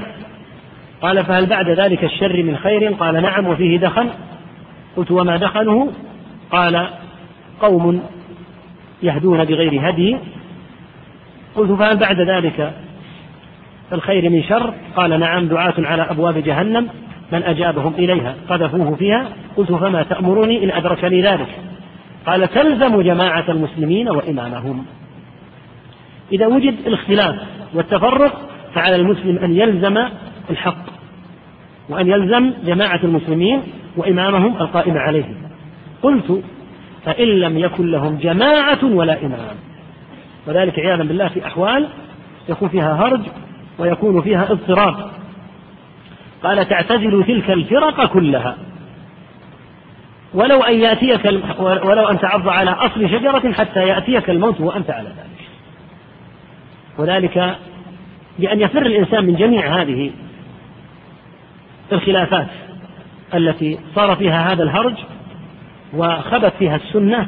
ولكن هذا في أحوال لا شك أنها أحوال عسرة ما يذهب الإنسان مثلا من موضع يستطيع أن يأمر فيه بالمعروف وينهى عن المنكر يعلم الجاهل يذكر الناس ينفع الله به وفيه خير وفيه سنة وفيه علم يقول سأفر إلى البر لا لا تفر يا أخي الناس بحاجة إليك لأنك ما دمت تنفع تبقى واصبر على الناس وفي الحديث الذي يخالط الناس ويصبر عليهم خير من الذي لا يصبر عليهم أو كما قال عليه الصلاة والسلام فيبقى المسلم يعلم هذا يرشد هذا لكن إذا اضطربت الأحوال اضطرابا شديدا كما جاء أيضا في الحديث إذا رأيت شحا مطاعا وهوى متبعا ودنيا مؤثرة وإعجاب كل ذي رأي برأيه فعليك بخاصة نفسك ودع عنك شأن العامة إذا لم يجدي ولم ينفع بتاتا ولم يكن لك نفع ولو مع مجموعة قليلة في هذه الحالة عليك بخاصة نفسك فالحاصل أن هذا من دلائل الاهتمام بالدين وهو من دلائل قوة الإيمان أو ضعفه فإن من الناس من قد يبقى في الفتن بل قد يغيص في الفتن ويجاري أهل الفتن على حساب دينه لأن يقول لا أريد أن أتحمل تكلفة الخروج من بلدي النبي صلى الله عليه وسلم يقول يوشك أن يكون خير مال المسلم غنم يتبع بها شعف الجبال ومواقع القطر يفر بدينه من الفتن إذا لم يكن مجال للفرار من الفتن إلا بمثل هذا الأسلوب بالخروج بغنيمة إلى البرية والبعد عن الناس فلا حيلة في ذلك لأن النبي صلى الله عليه وسلم يقول رأس الأمر الإسلام دينك إسلامك هو رأس الأمر مقدم على مالك على ولدك على بلدك على نفسك على كل شيء فرأس الأمر هو الإسلام وما سواه فإنه لا يمكن أن يبلغ قدره ولهذا يجب على المسلم أن يكون دينه أحظى شيء عنده لا تقدم عليه الدنيا ولا العشائر ولا النفوس ولا شيء سواه ونقف عند هذا الموضع ومعنا هذا السؤال يقول الأخ يقول النبي صلى الله عليه وسلم الناس دثار والأنصار شعار وقال لو سلك الناس واديا وسلك الأنصار واديا لسلكت وادي الأنصار أليس في هذه الأحاديث دلالة على فضيلة الأنصار على المهاجرين لا وإياك يا أخي أن تفهم الأحاديث هذا الفهم يعني تأتي وهذه مسألة مهمة تأتي إلى حديث من أحاديث الفضائل فتنظر إليه وحده فتقول هذا يدل على كذا لأن النبي صلى الله عليه وسلم قال لولا الهجرة لكنت امرأ من الأنصار في هذا المقام وفي هذه الأحاديث لولا الهجرة لكنت امرأ من الأنصار لأن الهجرة أفضل من النصرة والنبي صلى الله عليه وسلم من المهاجرين وليس من الأنصار فقال لولا الهجرة وفضل الهجرة وما فيها لكنت امرأ من الأنصار يسأل عن التوفيق بين الحديث لا يؤمن أحدكم حتى يحب لأخيه ما يحب لنفسه وبين الأدلة التي تحث على المسابقة والمنافسة في الخيرات فاستبقوا الخيرات وكذلك قوله وفي ذلك فليتنافس المتنافسون وهذا التنافس والمسابقة تؤدي إلى أن يحب الخير لنفسه فقط ليس بصحيح هذا غير صحيح فهم غير سوي إذا فهمت أن الله عز وجل إذا قال فليتنافس المتنافسون أنها تعني أنك تحب أن تكون أنت في هذا الميدان وغيرك لا يكون معك فهذا غير صحيح يتنافس المتنافسون في أمور الخير وهكذا في أمور الطاعات ولكن ليس معنى ذلك أن المتنافسين يحب الواحد منهم أن يستأثر بنصيب مثلا من قيام الليل لا يصل إليه غيره أو أن يختم القرآن بأسلوب لا يستطيعه غيره أو أن يصوم صياما لا يصومه غيره فمثلا من كان يصوم يوما ويفطر يوما ليس له أن يحب أن يكون هو الوحيد الذي يصوم يوما ويفطر يوما فإن أحب هذا فقد وقع في قوله صلى الله عليه وسلم لا يؤمن أحدكم حتى يحب لأخيه ما يحب لنفسه بل هو يحب للناس هذا ولهذا تجد الصادق في دعوته يفرح أن يصوم الناس إذا أمرهم بالصيام أن يقبل الناس على العلم إذا أمرهم بالعلم وأن وأن ينافسوا في هذا ويفرح بهذا ويحب أن ينتشر مثل هذا لا أن ينفرد هو يقول أنا الذي أحب أن أكون وحدي في هذا لا فينبغي أن تفهم الحديث وأن التنافس هنا ليس تنافس التجار في الدنيا الذين يحب الواحد منهم أن تربح تجارته وتفسد تجارة أخيه وإنما المقصود التنافس الذي يحمل على نشر الخير لا على دحض آه، الخير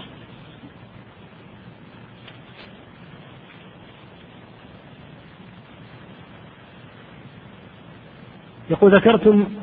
أن البخاري رحمه الله يرى أنه لا فرق بين الإسلام والإيمان فما وجه ذلك؟ هذه وجهته رحمه الله ووجهة محمد بن نصر المروزي وبعض وبعض أهل العلم رحمهم الله فمن أهل العلم من يقول إن الإسلام والإيمان شيء واحد استدلوا بمثل قوله تعالى في بيت لوط عليه السلام فأخرجنا من كان فيها من المؤمنين فما وجدنا فيها غير بيت من المسلمين قالوا فهذا بيت واحد ذكره الله بالإيمان ذكره الله بالإسلام فدل على أن الإيمان هو الإسلام قال أهل العلم جوابا عن هذا بيت لوط جمع الإيمان والإسلام هذا هو الفرق أنهم مؤمنون وفي الوقت نفسه جمع أنهم مسلمون وفي الوقت نفسه مؤمنون وسيأتي باب يبوب عليه البخاري رحمه الله تعالى يبين وجهته فيه وباب إذا لم يكن الإسلام على الحقيقة وذكر قوله تعالى قالت الأعراب آمنا قل لم تؤمنوا ولكن قولوا أسلمنا هذه الآية من أظهر الأدلة على الفرق بين الإيمان وبين الإسلام لأن الأعراب قالوا آمنا فقال الله قل لم تؤمنوا ولكن قولوا أسلمنا البخاري رحمه الله يرى أن أن هؤلاء منافقون وأنهم أظهروا الإسلام إظهارا هذه وجهته رحمه الله وجهة من يرى آه، أن الإيمان والإسلام شيء واحد وسنتكلم عنها في حينها إن شاء الله سنتكلم عن هذه المسألة في حينها والله تعالى أعلم وصلى الله وسلم على نبينا محمد وآله وصحبه أو عنه هذا الحديث عن النبي صلى الله عليه وسلم استفاد منه البخاري الترجمة السابقة وهي تفاضل وهي تفاضل أهل الإيمان تفاضلهم في إيمانهم وأنهم ليسوا على درجة واحدة وإذا تفاضل الإيمان دل على ماذا؟ دل على أنه يزيد وينقص وهذا هو المقصد من الترجمة ثم إنه استدل بهذا الحديث العظيم الذي تلقاه أهل السنة بالقبول وهو من الشعارات العظيمة الدالة على لزوم السنة وعكسه دال على البدعة والضلالة فيما يتعلق بأمر الشفاعة فهذا الحديث فيه بيانه عليه الصلاة والسلام أن الله تبارك وتعالى بعد أن يقضي بين الخلائق يدخل أهل الجنة في الجنة ويدخل أهل النار النار ثم إن من أهل النار صنفا وهم الموحدون الذين ماتوا على الإسلام يأذن الله بعد ما شاء سبحانه وتعالى أن يخرج هؤلاء بإذنه سبحانه وتعالى من النار يخرج هؤلاء بشفاعة الشافعين فتشفع الملائكة ويشفع النبيون ويشفع الصالحون ويشفع الأفراد ولا يشفعون إلا بإذن الله سبحانه وتعالى ولهذا كان النبي عليه الصلاة والسلام لما أراد أن يشفع سجد صلى الله عليه وسلم بين يدي ربه تعالى وبقي مدة عظيمة مدة جمعة يعني مدة أسبوع ساجدا لا يشفع مباشرة عليه الصلاة والسلام أول ما يرد الخلائق يبقون فترة عظيمة في يوم كان مقداره خمسين ألف سنة لا يشفع أحد ثم إن الناس يأتون آدم عليه الصلاة والسلام فيقولون أنت أبو البشر خلقك الله بيده وأسجد لك ملائكته اشفع لنا إلى ربك ألا ترى ما بنا فيشفع فيأبى آدم أن يشفع عليه الصلاة والسلام هذه الشفاعة التي طلبوها من الأنبياء من آدم ثم من نوح ثم من إبراهيم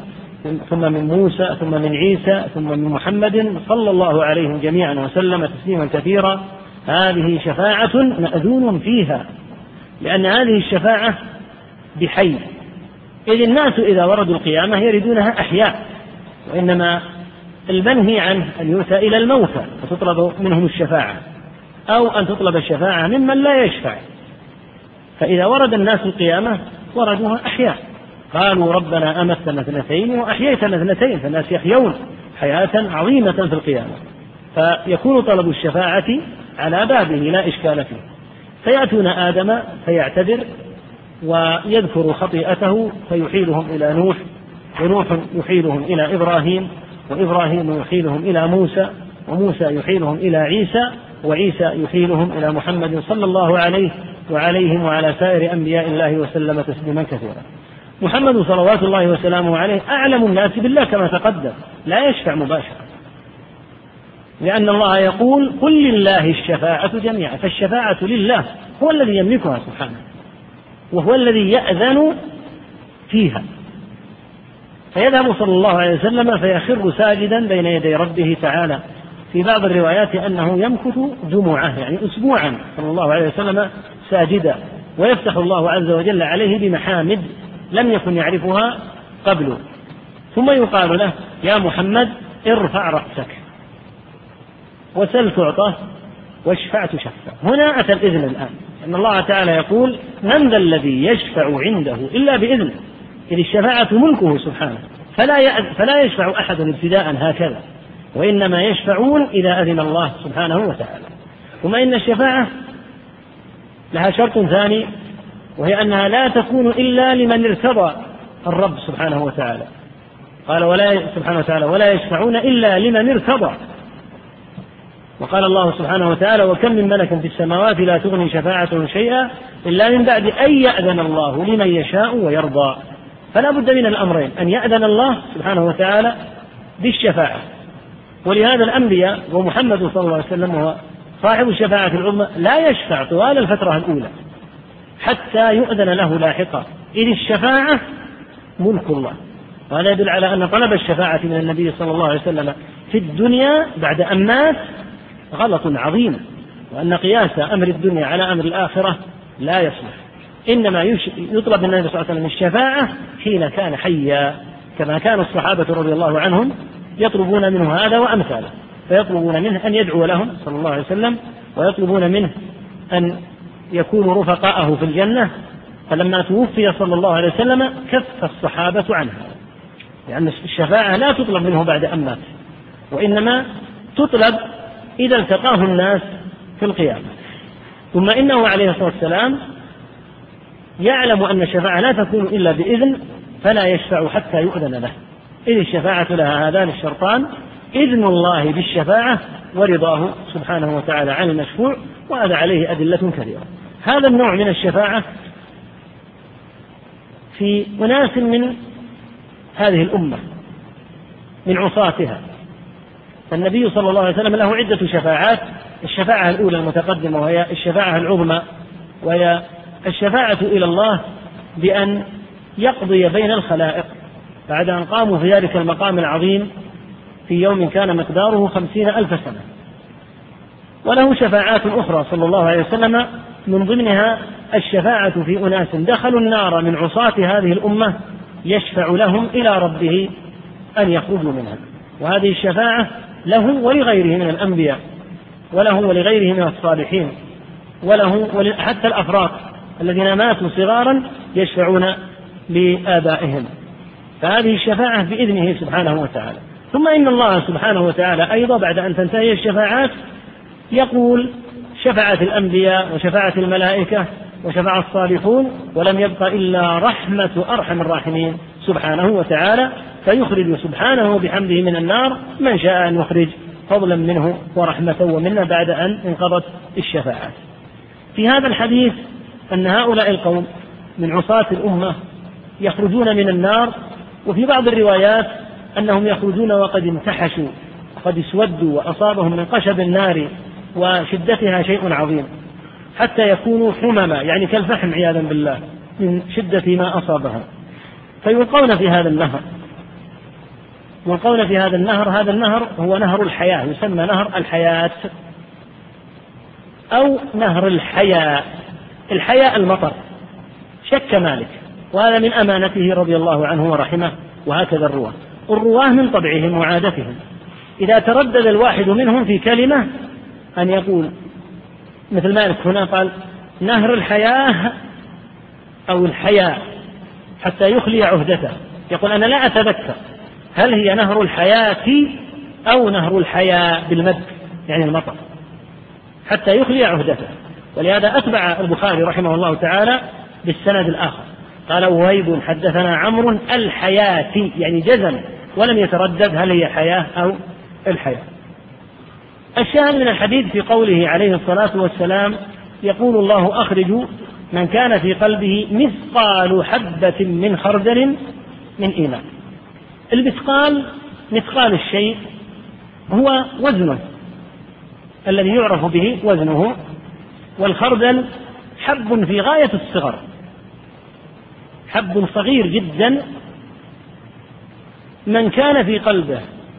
من الخير والإيمان ما يزن هذه الحبة الصغيرة فإنه يخرج من النار فهذا الحب الذي في غاية الصغر والدقة يكون في قلوب بعض المؤمنين وهذا يدل على ماذا على التفاضل في يقين القلب نفسه فرسول الله صلى الله عليه وسلم كم في قلبه من مثاقيل ومقدار الإيمان لا يحصيه إلا الله سبحانه وتعالى وهذا العاصي من المؤمنين لم يبق في قلبه إلا مثقال حبة من خردل من إيمان وهذا يرد على المرجئة ردا عظيما في قولهم إن اليقين شيء واحد في القلب هل يقول عاقل إن يقين رسول الله صلى الله عليه وسلم مثل يقين هذا العاصي لا يقول هذا عاصي فهذا العاصي لم يبقى معه من الخير بعد التوحيد إلا هذا مثقال حبة من خردل من إيمان بينما هناك من المؤمنين من الإيمان في قلوبهم مثل الجبال الراسيات وأجلهم وأعظمهم رسول الله صلى الله عليه وسلم كم في قلبه من وزن الإيمان فهذا دليل على ما ترجم عليه البخاري في قوله باب تفاضل أهل الإيمان تفاضلون وليسوا على حال وحد واحد ثم في الحديث فائدة عظيمة وهو أن من النصوص ما يرد على طائفتين من طوائف الضلال في وقت واحد فهذا الحديث فيه رد على المرجئة من جهتين وفيه رد أيضا على الخوارج ففيه رد على المرجئة من جهتين الجهة الأولى زعمهم أن الإيمان شيء واحد في القلب فيقال بل يتفاوت تفاوتا عظيما فها هو في قلب هذا المؤمن لم يوجد منه إلا مثقال حبة من خردل من إيمان وغيره يكون الإيمان في قلبه بما هو أعظم وأثقل من الجبال الراسية من جهة أخرى فيه رد على المرجئة الجهة الثانية في قول المرجئة أو قول بعض المرجئة إن المعاصي لا تضر فيقال ها هي ضرت حتى دخل أهلها النار ومكثوا فيها ما شاء الله أن يمكثوا وقد يبقون فترة طويلة لأن الحديث لاحظ الحديث ما الذي فيه يدخل أهل الجنة الجنة وأهل النار النار ثم الله أعلم كم يبقون لأن ثم تفيد الترتيب مع التراخي تباطؤ فكم يبقى هؤلاء الله تعالى أعلم طال فترة طويلة فزعم المرجئة أن المعاصي لا تضر زعم باطل ها هي أوردتهم النار وها هم مكثوا فيها هذه المدة الطويلة حتى أخرجهم الله عز وجل منها لاحقا فهذا الوجه الأول من وجوه الرد على المرجئة الوجه الأول والثاني من جهة أخرى فيه رد على الخوارج وعلى المعتزلة أيضا الخوارج قالوا إن صاحب الكبيرة يخلد في النار ويقال الحديث وغيره من النصوص المماثلة نص صريح في أن العاصي من هذه الأمة ومن عصاة الموحدين عموما لا يخلد في النار خلود الآبدين وأن بقاءه في النار وإن كان بمكث وخلود طويل إلا أن له حدا وغاية ينتهي عندها فليس العاصي الذي مات مثلا وهو يشرب الخمر مثل فرعون وأبي جهل ومثل إبليس يمكثون المكث الدائم من قال هذا فقد قال شططا وقد بالغ وقد أساء بلا شك الذي يقول إن العاصي من المسلمين إذا مات شاربا للخمر يكونوا مثل إبليس ومثل فرعون يمكثون المكث الدائم المستمر في النار الذي لا ينقطع فلا شك أنه قد قال قولا عظيما بل يقال عصاة المؤمنين يختلفون حتى في النار حتى إذا دخل أهل التوحيد دخلوا النار فطريقة تعذيبهم في النار فيها فروق بينها وبين طريقة تعذيب الكفار عياذا بالله من حال أهل النار جميعا فمثلا العصاة من الموحدين لا تأكل النار مواضع السجود منهم المواضع التي كانوا يسجدون فيها يسجدون عليها لله تعالى تشريفا للصلاة وهذا دليل على عظم شأن الصلاة أن حتى العاصي الذي يدخل النار يكون من آثار صلاته أن النار لا تصيب مواضع السجود جبهته وأنفه التي كان يسجد عليها بينما غيرهم عياذا بالله تتلهبهم تلهبا وهكذا عذاب الكفار أشد وأنكى وأعظم من عذاب عصاة الموحدين لكن في نهاية المطاف لا ريب أن المعاصي تضر القول بأن الموحد لا يكون عذابه مثل عذاب الكافر لا يعني التسهيل في المعاصي لأن العاصي قد يمكث في النار مدة طويلة عياذا بالله يعني إذا كان الإنسان قد يمكث ستين سنة في الدنيا أو سبعين سنة ثم قد يمكث في النار ما شاء الله عز وجل فأقل من لحظة في النار ما مقدار الدنيا كلها بأسرها عند تلك اللحظة العظيمة في العذاب ففي هذا الحديث العظيم رد على هاتين الطائفتين وهناك نصوص تتضمن ردودا على طائفتين معا مثل قوله تعالى ليس كمثله شيء وهو السميع البصير هذه رد قبل أن توجد الممثلة وقبل أن توجد المعطلة من المعتزلة والجهمية وأضرابهم ليس كمثله شيء رد على الممثلة وهو السميع البصير رد على المعطلة لأن الآية جمعت بين النفي وبين الإثبات وهكذا هذا الحديث فيه الرد على هاتين الطائفتين رد على المرجئة ورد على المعتزلة والخوارج الخوارج يقولون إن صاحب الكبيرة إذا دخل النار لا يخرج منها وإن مكثه فيها مكث الآبدين إذ الميت على المعاصي على الكبائر عندهم كافر نسأل الله العافية والسلام والمعتزلة تأثرت بالخوارج وفيها أكثر من شعبة من شعب الخوارج من الشعب التي تأثرت بها المعتزلة بالخوارج ما يتعلق بالعاصي فإنهم قالوا إن العاصي وصاحب الكبيرة في منزلة زعموها بين منزلتين لا هو بمسلم ولا هو بكافر هذا في الدنيا وهذا قول انفردت به المعتزلة عن جميع الطوائف لا يعرف هذا القول إلا فيهم قالوا فإذا ورد القيامة فإنه يكون خالدا في النار مثله مثل الكافرين وهذا من أعجب التناقض أن يكون له في الدنيا حال ويكون في الآخرة على حال آخر فالحاصل أن هذا الحديث فيه الرد الصريح على هذه الطوائف كلها على طائفة المرجئة وعلى طائفة المعتزلة والخوارج وهذا من بركة النصوص بركة السنة بركة القرآن وتدبره وبركة هذه النصوص النبوية التي تكون فيها الكلمة الواحدة اليسيرة التي قد لا تبلغ سطرا أو سطرين يكون فيها ما الله به عليم من العلم والفوائد والرد على أهل الباطل نعم قوله الحبة هنا بكسر الحاء الحبة هي البذور التي تنبت يعني كما أن يعني أن هؤلاء بأمر الله إذا جعلوا في هذا النهر ينبتون كما تنبت تلك البذور في الدنيا إذا كانت في جانب السيل نعم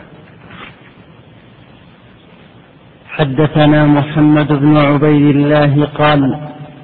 حدثنا إبراهيم بن سعد عن صالح عن ابن شهاب عن أبي أمامة بن سهل أنه سمع أبا سعيد الخدري يقول قال رسول الله صلى الله عليه وسلم بين أنا نائم رأيت الناس يعرضون علي وعليهم قمص منها ما يبلغ السدي ومنها ما دون ذلك وعرض علي عمر بن الخطاب وعليه قميص يجره قالوا فما أولت ذلك يا رسول الله قال الدين في هذا الحديث أيضا بيان لما ترجم عليه رحمه الله هذا الحديث في باب تفاضل أهل الإيمان رؤيا الرسول صلى الله عليه وسلم حق ليست مثل رؤيا غيره الأنبياء صلى الله عليه وسلم إذا رأوا رؤيا فلا يتطرق إليها ما يتطرق إلى رؤانا من تلبيس الشيطان أو نحوه رؤيا الأنبياء نوع من أنواع الوحي لهم ولهذا لما رأى إبراهيم عليه الصلاة والسلام أنه يذبح ابنه إسماعيل عليه الصلاة والسلام نفذ نفذ أمر الله ولهذا قال له إسماعيل لما قال يا بني إني أرى في المنام أرى في المنام أني أذبحك ماذا قال إسماعيل قال يا أبت افعل ما تؤمر لأن رؤيا الأنبياء وحي فقد أمر أمرا ولا يمكن ولا يجوز بحال بحال من الأحوال لو رأى أحد أنه يرى نفسه أو يذبح ابنه في المنام أو غير ابنه لا يجوز بتاتا أن يذبحه ما الفرق؟ الفرق أن رؤيا الأنبياء وحي تختلف عن رؤيا غيرهم فهذه الأحاديث التي فيها رؤاه صلى الله عليه وسلم لا شك أنها حق ووحي فمن ذلك هذا الحديث قوله عليه الصلاة والسلام بين أنا نائم رأيت الناس يعرضون علي الناس يتفاوتون في هذه الرؤيا عليهم قمص جمع قميص منها ما يبلغ الثدي الثدي يعني الثديين وهذا يدل على قصره قصر شديد جدا قميص لا يبلغ إلا ثديين لا شك أنه قصير وذلك يعني أن باقي جسده عاري ومنها ما هو دون ذلك قال وعرض علي عمر بن الخطاب رضي الله عنه وأرضاه وعليه قميص يجره يعني أن عليه قميصا سابغا قد ستر جميع جسده حتى إنه له بقية في الأرض قالوا فما أولت ذلك يا رسول الله رحمك الله يعني ما تعبير هذه الرؤيا قال الدين يعني أن الناس يتفاوتون في إيمانهم ودينهم على هذا الحال فدين عمر وإيمان عمر رضي الله عنه سابغ كبير عظيم بينما غيره دون ذلك حتى إن من الناس من ليس له من الإيمان إلا الشيء القليل مثله مثل من عليه قميص لا يبلغ إلا ثدييه وهذا يدل على تفاوت أهل الإيمان كما ترجم رحمه الله تعالى قال باب تفاوت أهل الإيمان في ماذا؟ في إيمانهم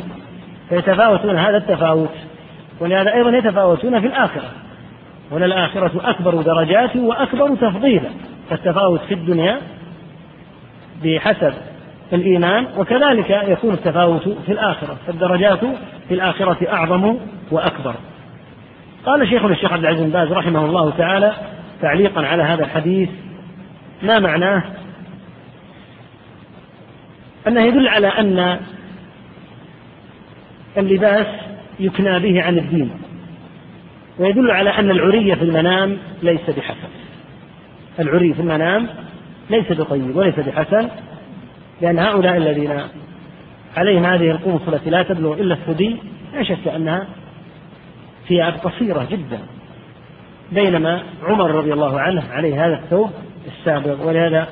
من الأمور الطيبة والبشارات الطيبة أن يرى أن الإنسان عليه ثوب سابغ يستره فإنه من ما يرجى أن يكون من البشارة بسبوغ دينه وكون دينه سابغا ساترا الإخوة يطلبون إعادة الباب السابق باب من كره أن يعود في الكفر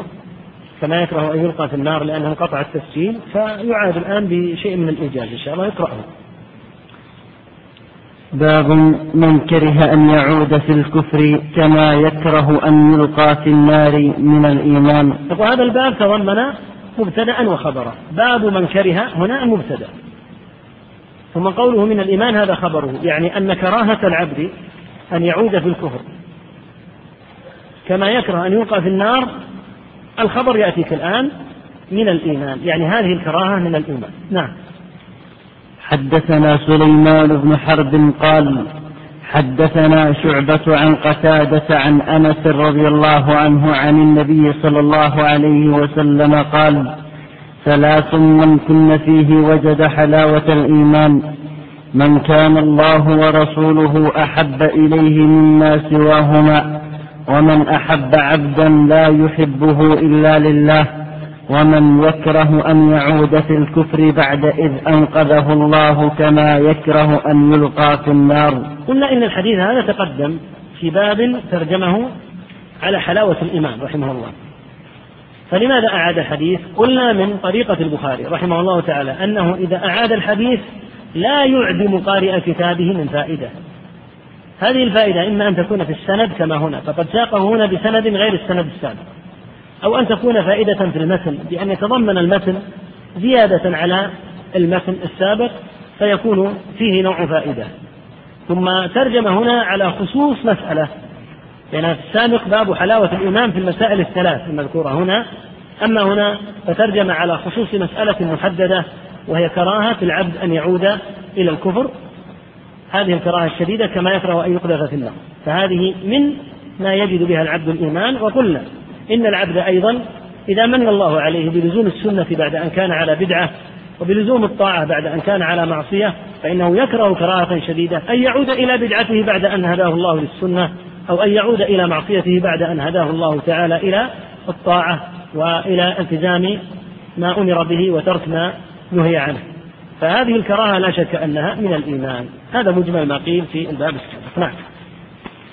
باب الحياء من الإيمان حدثنا عبد الله بن يوسف قال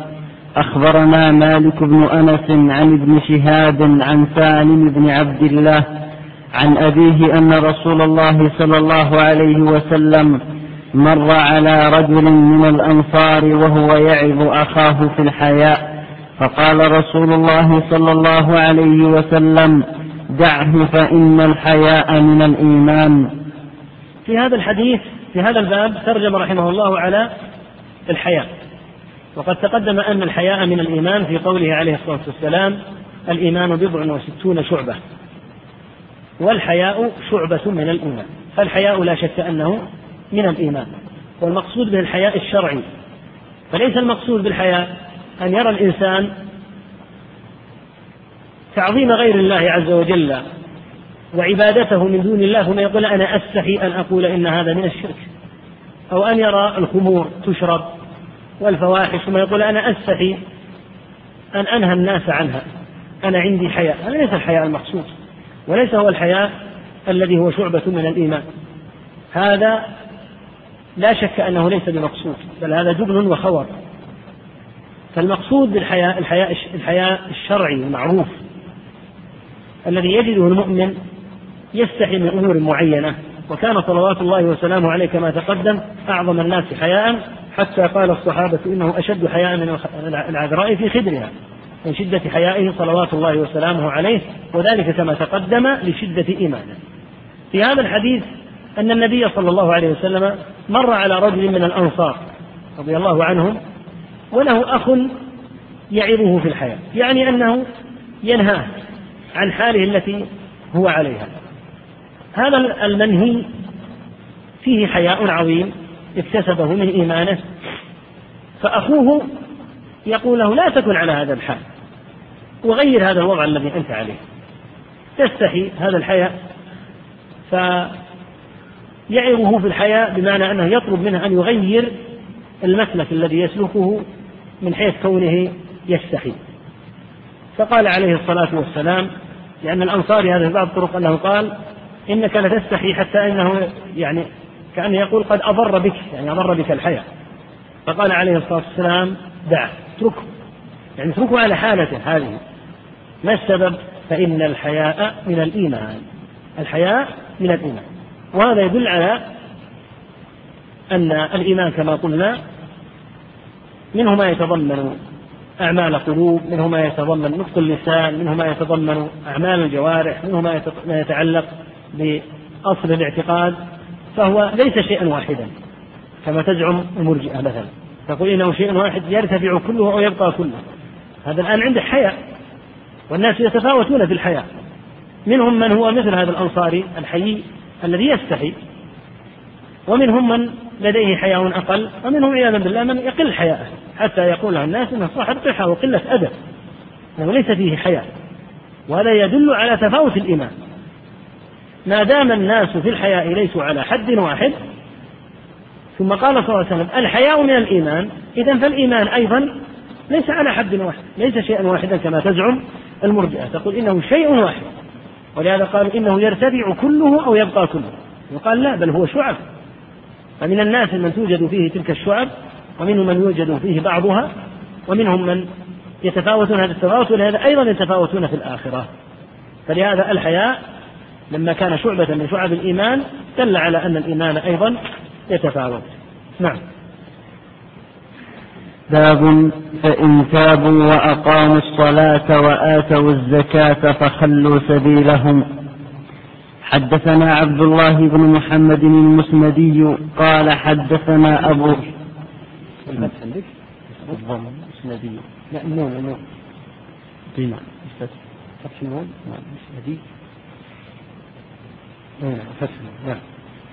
حدثنا عبد الله بن محمد المسندي قال حدثنا أبو روح الحرمي بن عمارة قال حدثنا شعبة عن واقد بن محمد قال سمعت أبي يحدث عن ابن عمر أن رسول الله صلى الله عليه وسلم قال أمرت أن أقاتل الناس حتى يشهدوا أن لا إله إلا الله وأن محمدا رسول الله ويقيموا الصلاة ويؤتوا الزكاة فإذا فعلوا ذلك عصموا مني دماءهم وأموالهم إلا بحق الإسلام وحسابهم على الله هذا الحديث من أحاديث الأصول العظام التي فيها أن الله تبارك وتعالى أمر نبيه صلى الله عليه وسلم بقتال الناس إلى غاية هي أن يشهدوا أن لا إله إلا الله وأن محمدا رسول الله ويلزم ما امر الله بلزومه من اقام الصلاه وايتاء الزكاه وهكذا ما يترتب على ذلك فاذا فعلوا ذلك عصموا مني دماءهم واموالهم الا بحق الاسلام فمن فعل ذلك فانه معصوم الدم والمال وليس لنا منه الا الظاهر فقط اما الباطن فحسابه على الله سبحانه وتعالى جاءت هذه الشريعة بالتعامل مع ما يظهر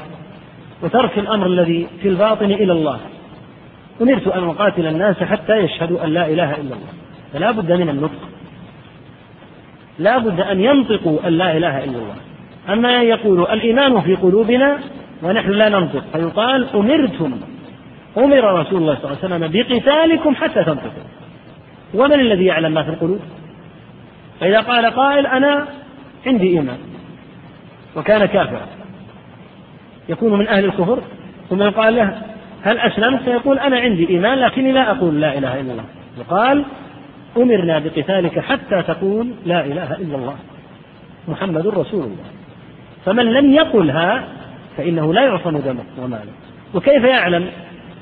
من لا يعلمون الغيب من البشر كيف يعلمون أن قلب ذاك الشخص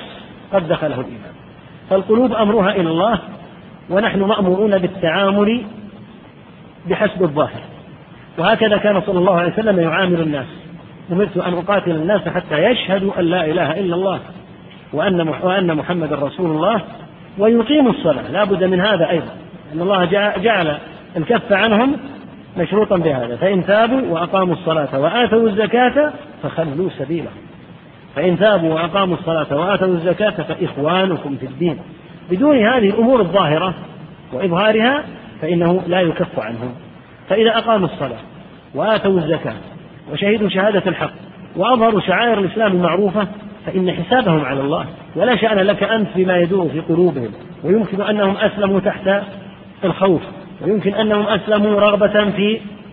في الجزية أو في العطية أو في هبة آه، أهل الإسلام هذا أمر إلى الله سبحانه وتعالى يحيط به علام الغيوب وقد أمرنا بالتعامل مع ما يظهر حتى يشهدوا أن لا إله إلا الله وأن محمدا رسول الله ويقيموا الصلاة ويؤتوا الزكاة فإذا فعلوا ذلك عصموا مني دماءهم وأموالهم وهذا يدل على أنه لا بد لتعصم الدماء لا بد من الأعمال لا بد من صلاة لا بد من زكاة لا بد من قوم ويكون هذا كله مبني على اعتقاد في القلب يعلمه الله تعالى فإذا لم تفعل هذه الأمور الإيمانية العظام من الأعمال المتعلقة بالجوارح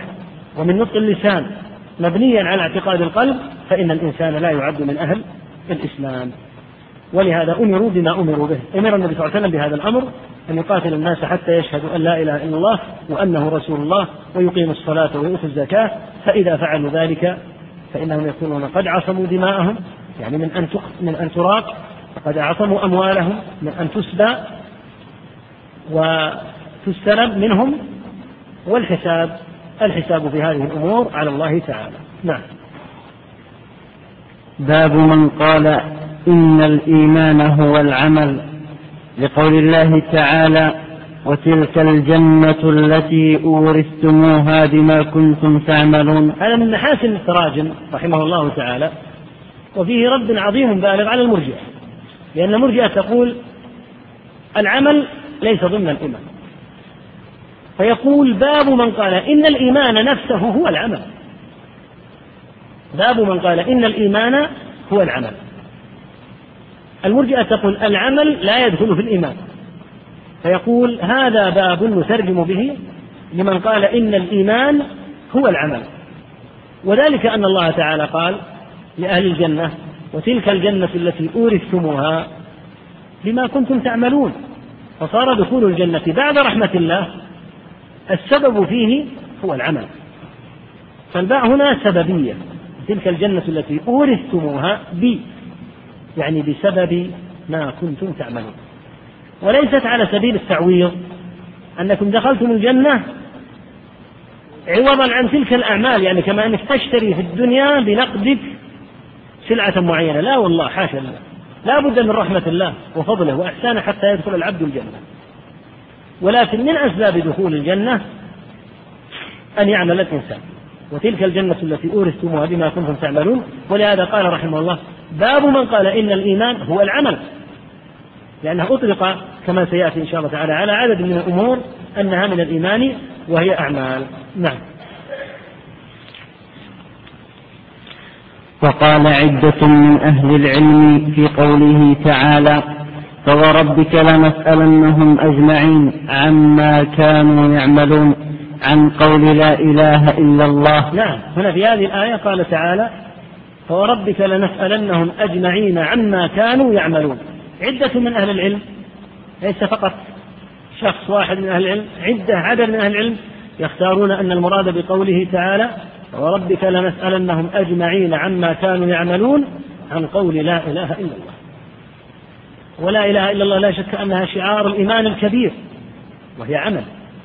ففسروا قوله تعالى وربك لنسألنهم أجمعين عما كانوا يعملون بهذه الكلمة العظيمة وهي قول لا إله إلا الله وفي هذه الآية عبرة لكل داع إلى الله عز وجل يريد النجاة يوم يلقى ربه الله تعالى سيسأل عن لا إله إلا الله سيسأل الإنسان عن قولها وتحقيقها وسيسأل الدعاة إلى الله عن أمر الدعوة إليه فأعظم ما ينبغي أن يدعو إليه الداعي إلى الله هو ما جعل رسول الله صلى الله عليه وسلم حياته قائمة على الدعوة إليه وهي لا إله إلا الله حتى إن الإسلام في مكة لم تكن فيه أركان الإسلام هذه الخمسة لم يكن فيه منها إلا لا إله إلا الله محمد رسول الله في بداية الإسلام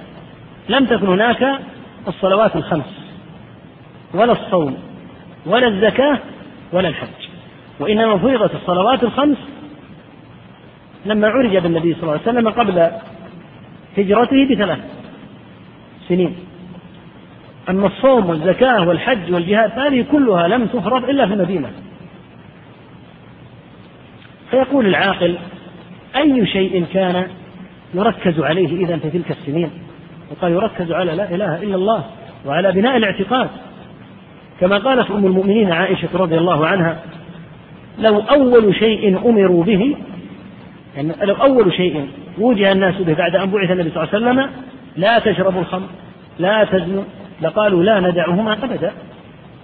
ما هنالك اعتقاد وقوة في الإيمان تحمل على أن يترك شرب الخمر فلما بني الاعتقاد هذا البناء العظيم وأسس هذا التأسيس الكبير في مكة ثم نزل تحريم الخمر البت في المدينة وقال تعالى فهل أنتم منتهون فتحوا رضي الله عنهم بيوتهم أبواب بيوتهم وسكبوا دنان الخمر وقالوا انتهينا انتهينا لكن لو أمروا بهذا الأمر أول ما بعث النبي صلى الله عليه وسلم قال لا تشربوا الخمر فقال لا ندع الخمر أبدا لأن يعني ما هنالك تأسيس الاعتقاد وهذا ينبه الدعاة إلى الله إلى أهمية أن يبنى المجتمع وتبنى المدارس ويبنى التعليم على الاعتقاد في المقام الأول وهذا الحقيقة هذا مما يريح الداعي إلى الله عز وجل في علاج كثير من المشاكل كثير من المشاكل الآن التي يراد علاجها تعالج علاجا قاصرا مثل أن تريد أن تعالج قطيعة الرحم فتركز فقط على أمر الرحم دون أن تؤسس هذا على الاعتقاد الشخص إذا كان خاويا في عقيدته يقل عنده مراقبة رب العالمين سبحانه وخوفه فوعظك إياه في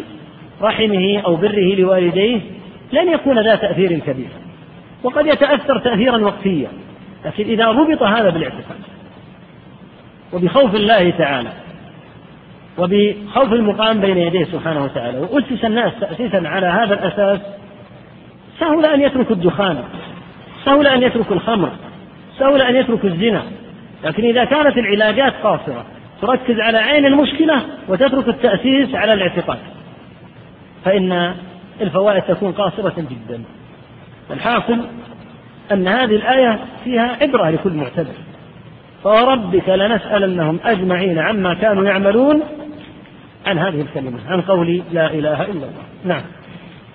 وقال لمثل هذا فليعمل العاملون وهكذا أيضا في الجنة قال الله تعالى لمثل هذا ذاك المقام العظيم في الجنة فليعمل العاملون من أراد الولوج إلى الجنة فليعمل بإذن الله وليتكل على الله ولن يدخل الجنة إلا برحمة الله لكن ليعمل لمثل هذا فليعمل العاملون وهكذا مثل قوله تعالى وفي ذلك فليتنافس المتنافسون يحرص العبد على العمل يحرص على التنافس ميادين الخيرات وعلى المسابقة فيها سابقوا إلى مغفرة من ربكم يحرص على المسابقة لعل الله عز وجل أن يدركه برحمته أما أن يقول أنا أهم شيء عندي القلب وأنا عندي إيمان هكذا دون عمل فيقال تأمل قوله تعالى لمثل يعني هذا فليعمل أما التمني والأمان الفارغة فإنها لا تنفع أهلها لا تنفع ولا لا في الدنيا ولا في الآخرة فليعمل العبد وليتكل على الله وليلزم السنة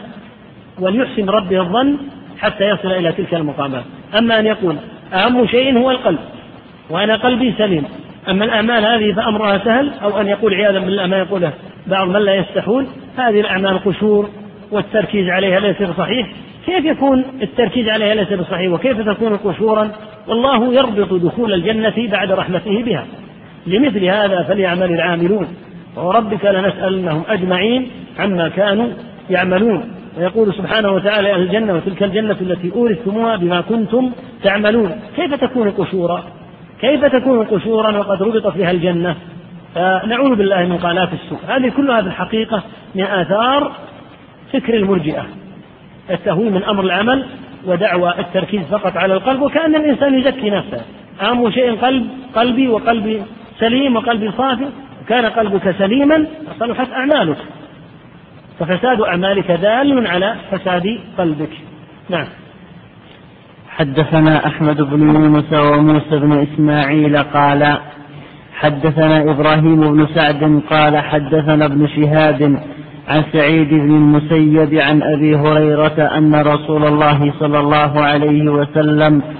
سئل أي العمل أفضل فقال إيمان بالله ورسوله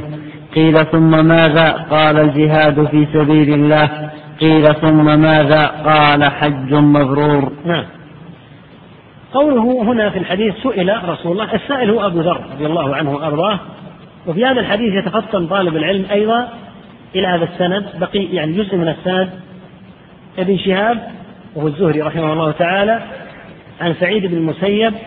عن ابي هريره يتكرر هذا القسم من المتن كثيرا جدا يتكرر في الصحيحين ابن شهاب عن سعيد عن ابي هريره رضي الله عنه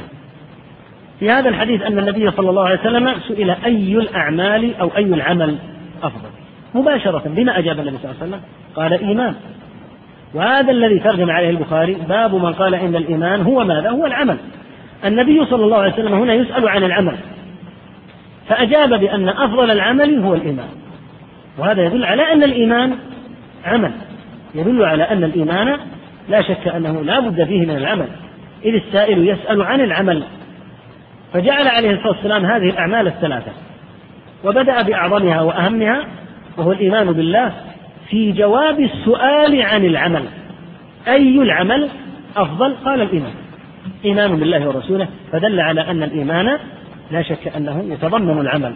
إيمان بالله ورسوله قيل ثم ماذا قال الجهاد في سبيل الله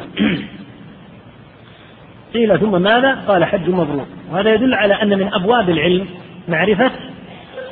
فضاء الأعمال ما العمل الأفضل وعلى أنه من من المناسب أن يسأل عن أفضل الأعمال ما أفضل الأعمال لأن العمر قصير وقد يكون لدى الإنسان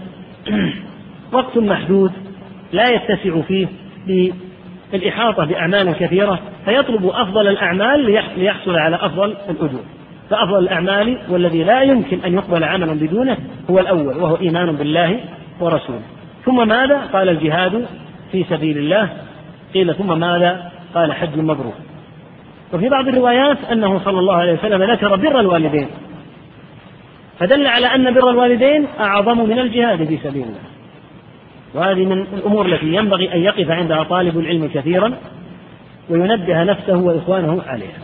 وأن بر الوالدين بهذا القدر العظيم الكبير وهو في الحقيقة بر الوالدين جهاد فرض من ضروب الجهاد لهذا قال صلى الله عليه وسلم فيهما فجاهد فالذي يريد أن يصل إلى أن يبر والديه لا شك أنه يحتاج أن يجاهد يحتاج, يحتاج أن يجاهد حتى يصل إلى ما فيه درجة البر بالوالدين وهكذا بقية الأعمال فالجهاد في سبيل الله كما في الحديث هو ذروة سلام الإسلام فذروة سلام الإسلام هو الجهاد في سبيل الله وهو ولا ريب من أعظم وأجل الأعمال على شرط بشرط أن يقع موقعه بالجهاد الذي أراد الله بالأسلوب الشرعي فإذا وقع كما ينبغي كما أمر الله فلا شك أنه من أعظم الأعمال ولهذا جعل الله عز وجل في في الجنة المجاهدين مئة درجة هذه الدرجات خاصة بالمجاهدين وحدهم ما بين الدرجة والدرجة التي تليها كما بين السماء والأرض وهذا يدل على عظم شأن الجهاد في سبيل الله لكن الجهاد في سبيل الله يحتاج إلى بصيرة حتى يفرق المؤمن بين الجهاد في سبيل الله وبين ما يخلط بالجهاد من أمور التعدي أو التجاوز لحدود الله التي قد تسمى جهادا لكن إذا وقع الجهاد في سبيل الله دفعا أو طلبا يعني دفعا عن الأمة أو طلبا للعدو على النهج الشرعي فلا شك أن هذا من أعظم الأعمال التي يتقرب بها إلى الله ثم قال ثم ماذا قال حج مبرور حج المبرور السليم البعيد عن الآثام هذا أيضا من أعظم الأعمال فالحاصل أن الحديث فيه دلالة على ما ترجم عليه باب من قال إن الإيمان هو العمل نعم باب إذا لم يكن الإسلام على الحقيقة وكان على الاستسلام أو الخوف من القتل لقوله تعالى قالت الأعراب آمنا قل لم تؤمنوا ولكن قولوا أسلمنا فإذا كان على الحقيقة فهو على قوله جل ذكره إن الدين عند الله الإسلام نعم يختار البخاري رحمه الله تعالى كما تقدم أن الإيمان والإسلام شيء واحد لا فرق بينهما وهو اختيار بعض أهل العلم كمحمد بن ناصر المروزي رحمه الله تعالى وغيره ولما أتت هذه الآية التي فيها التفريق الواضح في قوله تعالى قالت الأعراب آمنا قل لم تؤمنوا ولكن قولوا أسلمنا فهم قالوا آمنا ف أمروا أن لا يقولوا آمنا ولكن أمروا أن يقولوا أسلمنا هذه الآية من أظهر الأدلة للجماهير الذين قالوا إن الإيمان غير الإسلام وبيان ذلك على ما تقدم أن الإيمان والإسلام إذا ذكرا معا في مقام واحد مثل هذه الآية قل لم تؤمنوا ولكن قولوا أسلموا أو كما في حديث جبريل سأل عن الإسلام ثم سأل عن الإيمان إذا اجتمعا صار لكل واحد منهما معنى خاص فيكون معنى الإيمان الأعمال الباطنة ويكون معنى الإسلام الأعمال الظاهرة هذا إذا اجتمعا أما إذا افترقا فيدخل الإيمان في الإسلام ويدخل الإسلام في الإيمان فإذا قلت عمر بن الخطاب مسلم رضي الله عنه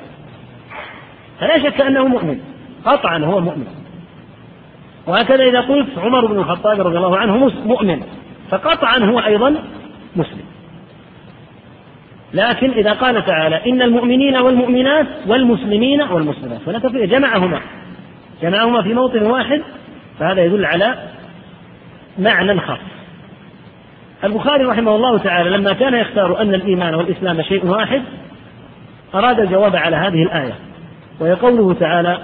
قالت الأعراب آمنا فقال باب إذا لم يكن الإسلام على الحقيقة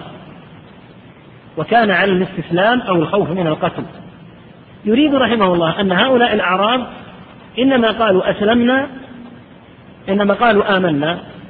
فنهوا عن ذلك وأمروا أن يقولوا أسلمنا يقول لأنهم لم يكونوا مسلمين حقا وإنما أسلموا الإسلام اللغوي اللي هو الاستسلام خوف القتل لأن الإسلام معناه الاستسلام قال فهذه الآية في أناس من الأعراب وغيرهم معدودون معدودين في المنافقين فيرى أن إسلامهم ليس بصحيح يقول إذا كان الإسلام صحيحا فهو الوارد في قوله تعالى إن الدين عند الله الإسلام هذا إذا كان على الحقيقة قال وأما إذا لم يكن على الحقيقة وإنما بطريقة المنافق الذي يظهر أنه مسلم فهو المراد بقوله تعالى قل لم تؤمنوا ولكن قولوا أسلمنا والحق أن ما عليه الجمهور هو الصواب وأن الإيمان والإسلام على التفصيل السابق يفترقان وأنهما إذا اجتمعا افترقا وأن معنى الآية على الصحيح قالت الأعراب آمنا قل لم تؤمنوا ولكن قولوا أسلمنا ليس معناه أن هؤلاء كانوا منافقين ولكن هؤلاء كان عندهم درجة من الإيمان ضعيفة فكانوا في بدايات أمرهم فادعوا الإيمان والإيمان رتبة عظيمة جدا فقال تعالى قل لم تؤمنوا حسبكم أن تقولوا أسلمنا لاحظ بقية الآية ولما يدخل الإيمان في قلوبكم لما تقال للشيء الذي لم يقع وهو قريب من أن يقع كأن تقول لما تخرج الشمس لما تطلع الشمس وقد بقي عليها وقت قليل لتطلع فهي لم تطلع لكن لم يبقى عليها إلا مدة يسيرة لما هذه ليست مثل لم لم أداة جزم وقلب فإذا قلت لم تسلم هذه فيها نفي بلا شك إذا قلت لم تؤمن لكن إذا قلت, إذا قلت لما تؤمن لما يدخل الإيمان في قلبك فهو موشك أو قريب من أن يدخل فالصواب في معنى الآية إن شاء الله أنها دالة على أن هؤلاء من المسلمين وهذا الذي يرجحه كثير من أهل العلم ولكن الإيمان عندهم ضعيف في بداية في إسلامهم ادعوا الكمال وقالوا آمنا قل لم تؤمنوا ولكن قولوا أسلمنا نرجئ الحديث عن الكلام عن الحديث حتى لا نطيل على الأخوة إن شاء الله تعالى آه، نرجئه إن شاء الله تعالى آه، إلى الغد يسأل الأخ عن قوله صلى الله عليه وسلم الحبة في جانب السيل بينا معناها وأن الحبة تعني البذور التي تكون في جانب السيل يقول سمعت أن الذي يقرأ في كتب الحديث لا بد أن يذكر كلمة قال قبل أن يسوق الحديث تنبيه جيد الحقيقة يعني طريقة المحدثين رحمهم الله تعالى مثلا في هذا السند حدثنا أبو اليمان قال أخبرنا شعيب عن الزهري قال أخبرني عامر بن سعد بن أبي وقاص هنا ذكر قال لكن المحدثين عادة يحذفون قال وهذا لعله يلاحظ الأخ إن شاء الله القارئ مثلا حدثنا أحمد بن موسى أحمد بن موسى بن إسماعيل قال حدثنا إبراهيم بن سعد قال حدثنا ابن شهاب عن سعيد في بعض الأحيان يحذفون قال فيقولون مثلا حدثنا إبراهيم بن سعد حدثنا ابن شهاب لماذا يحذفون قال لأن معلوم معلوم أنه لم يحدثه حتى قال وتكرر قال سيكون بعشرات الآلاف من المرات إذا كان الكتاب كبيرا يعني سيكون بآلاف المرات إذا كان السند ولا سيما في كتب المتأخرين كالطبراني وغيره قد يوجد به سبعة أو ثمانية فكانوا يعني يستثقلون أن يقولوا في كل مرة قال حدثنا قال حدثنا قال قال فيحذفونها لكن القارئ يلاحظ هذا القارئ حين يأتي فيقول قال البخاري رحمه الله تعالى حدثنا عبد الله بن يونس بن يوسف حدثنا مالك هكذا مثلا موجودة يقول هو قال حدثنا مالك حدثنا نافع قال حدثنا نافع حدثنا ابن عمر قال حدثنا ابن عمر فيلاحظ هذا القارئ أما الكاتب فيصعب عليه أن في كل مرة يقول قال قال ولا سيما مع قلة المداد يعني الحبر و يعني يعني كراهية تكرار الكلمة آلاف المرات قال قال قال مع أنها واضحة وبينة أنه لم يحدثه حتى قال يتساءل يسأل الأخ هل الإيمان يتفاضلون هل الأنبياء عليهم الصلاة والسلام يتفاضلون في, الأنبياء في, في الإيمان أم درجات إيمانهم واحدة لا شك أن الأنبياء عليهم الصلاة والسلام ليسوا على حد واحد هم متفاضلون تلك الرسل فضلنا بعضهم على بعض الله عز وجل فضل بعض الرسل على بعض وقلنا إن أفضل الرسل اثنان إبراهيم ومحمد صلوات الله وسلامه عليهما ولهذا جعلهم الله خليلين من بين الناس ثم أفضل الخليلين محمد صلوات الله وسلامه عليه وعلى سائر الأنبياء والمرسلين لا يقال هذا على سبيل التفاخر وإنما يقال على سبيل الإخبار بالحقيقة لأن الناس بحاجة إلى أن يعلموا من هو الأفضل هل الأفضل محمد أو موسى أو إبراهيم أو آدم أو من فاحتيج إلى أن يبين فقال عليه الصلاة والسلام أنا سيد ولد آدم ولا فخر والله تعالى أعلم وصلى الله وسلم على نبينا محمد وآله وصحبه بسم الله الرحمن الرحيم الحمد لله رب العالمين والصلاة والسلام على أشرف الأنبياء والمرسلين نبينا محمد وعلى آله وصحبه أجمعين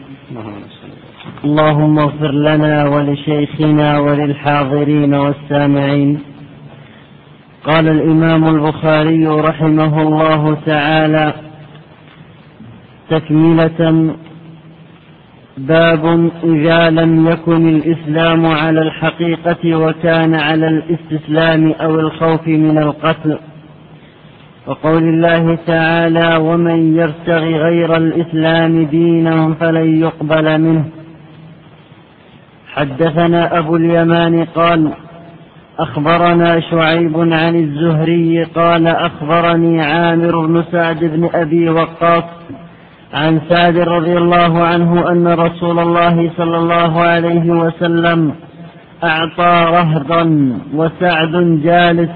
فترك رسول الله صلى الله عليه وسلم رجلا هو أعجبهم إلي فقلت يا رسول الله ما لك عن فلان فوالله إني لأراه مؤمنا فقال أو مسلما فسكت قليلا ثم غلبني ما أعلم منه فعدت لمقالتي فقلت ما لك عن فلان فوالله إني لأراه مؤمنا فقال أو مسلما ثم غلبني ما أعلم منه فعدت لمقالتي وعاد رسول الله صلى الله عليه وسلم ثم قال يا سعد إني لأعطي الرجل وغيره أحب إلي منه خشية أن يكبه, أن يكبه الله في النار ورواه يونس وصالح ومعمر وابن أخي الزهري عن الزهري الحمد لله رب العالمين صلى الله وسلم على نبينا محمد وعلى آله وصحبه أجمعين هذا الحديث أورده رحمه الله تعالى لبيان ما اختاره من أن الإيمان والإسلام شيء واحد وأجاب عن الآية وهي قوله تعالى قالت الأعراب آمنا قل لم تؤمنوا ولكن قولوا أسلمنا لأن الإسلام في هذه الآية المراد به مجرد الاستسلام الظاهر وهذا يقتضي أن هؤلاء القوم كانوا منافقين ولم يكونوا مسلمين في الحقيقة أظهروا الإسلام وهذا أحد قولي أهل العلم في المسألة الصواب إن شاء الله تعالى أن هذه الآية جاءت في قوم مسلمين وإنما منعهم الله ونهاهم الله عن أن يجزموا لأنفسهم بالإيمان لأن الإيمان مرتبة عليا ولكن أمرهم أن يقولوا وأن يقنعوا بالمرتبة التي هم فيها وهي مرتبة الإسلام والإسلام هنا هو الإسلام الشرعي بلا شك هذا الذي إن شاء الله يترجح فيكون معناه أنهم لديهم إسلام لكن ليسوا من أهل الإيمان الكامل أما قوله فبعد ذلك ذكر الآية الأخرى وهي قوله تعالى إن الدين عند الله الإسلام يقول هذا هو الإسلام على الوجه الصحيح وقلنا إن الصواب إن شاء الله تعالى في هذه الآية وفي الآية الثانية ما قدمنا أن الإسلام عند هؤلاء القوم لديهم إسلام ولهذا قال الله تعالى قل لم تؤمنوا ولا تقولوا أسلمنا ولما يدخل الإيمان في قلوبكم على ما شرحنا في معنى لما بالأمس هذا الخبر أولا ابتدأه برواية تتكرر كثيرا في الصحيحين من رواية أبي اليمان عن شعيب عن الزهري فهذه الرواية تتكرر كثيرا جدا في روايات الصحيحين في البخاري ومسلم فهي من على شرط الشيخين رحمهم الله تعالى في هذا الخبر أن سعد بن أبي وقاص رضي الله تعالى عنه وأرضاه رأى من النبي صلى الله عليه وسلم هذا الأمر العظيم المتضمن لحكم جليلة جدا تدل على قدر الدنيا على أنها ليست بشيء فأعطى النبي صلى الله عليه وسلم رهطا والرهط من الثلاثة إلى العشرة هذا معنى الرهط مجموعة من الرجال أعطاهم عليه الصلاة والسلام من المال وترك رجلا هو أحسن هؤلاء القوم أن يعطه عليه الصلاة والسلام فتعجب سعد بن أبي وقاص لأن هذا الرجل هو خير الموجودين في نظره فقال يا رسول الله ما لك عن فلان يعني لم لم تعطه فوالله إني لأراه مؤمنا فقال عليه الصلاة والسلام أو مسلما فسكت سعد رضي الله عنه يقول هم غلبني ما أعلم يعني ما استطعت أني أصبر فقلت يا رسول الله ما لك عن فلان وكررها مرة أخرى كل مرة يقول والله إني لا أراه مؤمنا يقول النبي صلى الله عليه وسلم أو مسلما وهذا فيه بيان إلى الفرق بين الإيمان والإسلام لأن النبي عليه الصلاة والسلام في كل مرة يجزم فيها سعد بإيمان هذا الرجل يرده النبي صلى الله عليه وسلم إلى ما ينبغي أن يجزم به وهو الإسلام فإن الإسلام الظاهر يشهد به لكل من أظهره كل من أظهر الإسلام فإنه يشهد له به ويعامل في الأحكام بناء عليه فإذا ما تورثناه من أقاربه وإذا كان من الفقراء أعطيناه من الزكاة ونشهد له بالإسلام الظاهر وتجرى عليه أحكام الإسلام أما حقيقة الأمر فإلى الله حقيقة هذه القلوب عند الله سبحانه وتعالى لا يحيط بها إلا الله فقوله عليه الصلاة والسلام في المرات الثلاث في كل مرة أو مسلمة إذا قال سعد رضي الله عنه والله إني لأراه مؤمنا يدل على المغايرة على أن الإيمان إذا اجتمع مع الإسلام كان معنى الإيمان الأعمال الباطنة وكان معنى الإسلام الأعمال الظاهرة هذا إذا اجتمع لأنهما هنا مجتمعان سعد يقول لأراه والله إني لأراه مؤمنا والنبي صلى الله عليه وسلم يقول أو مسلما فذكر الإسلام والإيمان في مقام واحد فيكون معنى الإسلام غير معنى الإيمان على ما شرحنا بخلاف ما إذا ذكر الإيمان وحده فإنه يشمل الإسلام أو ذكر الإسلام وحده فإنه يشمل الإيمان في هذا الحديث فائدة أيضا وهي أن للمؤمن أن يشير بما يظهر له فسعد هنا رضي الله عنه يشير على النبي صلى الله عليه وسلم فإذا ظهر لطالب العلم أو لأي أحد من المؤمنين أمر من الأمور فله أن يشير به وإن كان يشير به على ذي علم وعلى ذي دراية فإن النبي صلى الله عليه وسلم يشير عليه أحد رعيته وهو سعد بن أبي وقاص رضي الله عنه بهذا الأمر المتعلق بصميم فعل النبي صلى الله عليه وسلم فرأى سعد رضي الله عنه أن ينبه النبي صلى الله عليه وسلم إلى هذا الأمر في نظره والنبي صلى الله عليه وسلم في كل مرة يجيب سعدا على قدر جوابه هذا الرجل الذي يريد سعد رضي الله عنه أن يعطيه النبي صلى الله عليه وسلم ويرى سعد رضي الله عنه أنه أولى من هؤلاء من خيار المؤمنين رضي الله عنه لأنه جاء في بعض الروايات أنه أحد المهاجر أنه أحد المهاجرين جعيل بن سراقة الضمري رضي الله عنه جاء في بعض الروايات أن جعيلا هذا سأله سأل النبي آه، كان أبو ذر عند النبي صلى الله عليه وسلم فقال النبي صلى الله عليه وسلم لأبي ذر ما رأيك في جعيل فقال هو مثل شكله كغيره يعني من فقراء المهاجرين ثم قال ما رأيك في فلان فقال هذا سيد سادات سيد في قومه فقال عليه الصلاة والسلام ما معناه أن جعيلا خير من ملء الأرض من ذلك الرجل ومع ذلك كان النبي صلى الله عليه وسلم يعطي ذلك الرجل مالا كثيرا فسأله أبو ذر ما لك إذا تعطي هذا الرجل الذي تقول إن جعيلا خير من ملء الأرض من ملء الأرض مثله فأخبره عليه الصلاة والسلام أنه سيد من سادات قومه وأنه يتأله قومه يعني هو زعيم في قومه كأنه زعيم قبيلة أو زعيم أناس يؤثر في غيره فكان النبي صلى الله عليه وسلم يعطيه المال يتألف به قومه ليثبته ويثبتهم على الإسلام وترك جعيلا لم يعطه وأمثاله من الصحابة رضي الله عنهم كان لا يعطيهم عليه الصلاة والسلام يكيلهم إلى ما في قلوبهم من الإيمان فكان لا يعطي بعض أصحابه لعلمه بقوة إيمانهم حتى إنه خطب رضي الله عنه خطب عليه الصلاة والسلام مرة خطبة حاصلها أنه يعطي أناسا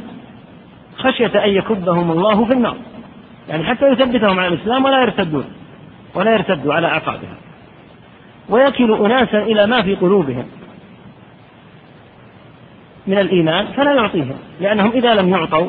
فهم لم يؤمنوا يريدون المال لم يؤمنوا يريدون المقايضة هم آمنوا ليدخلوا الجنة طاعة لله ورسوله أما أن يكون قصدهم من دخول الإسلام المال فليس هذا قصدا لهم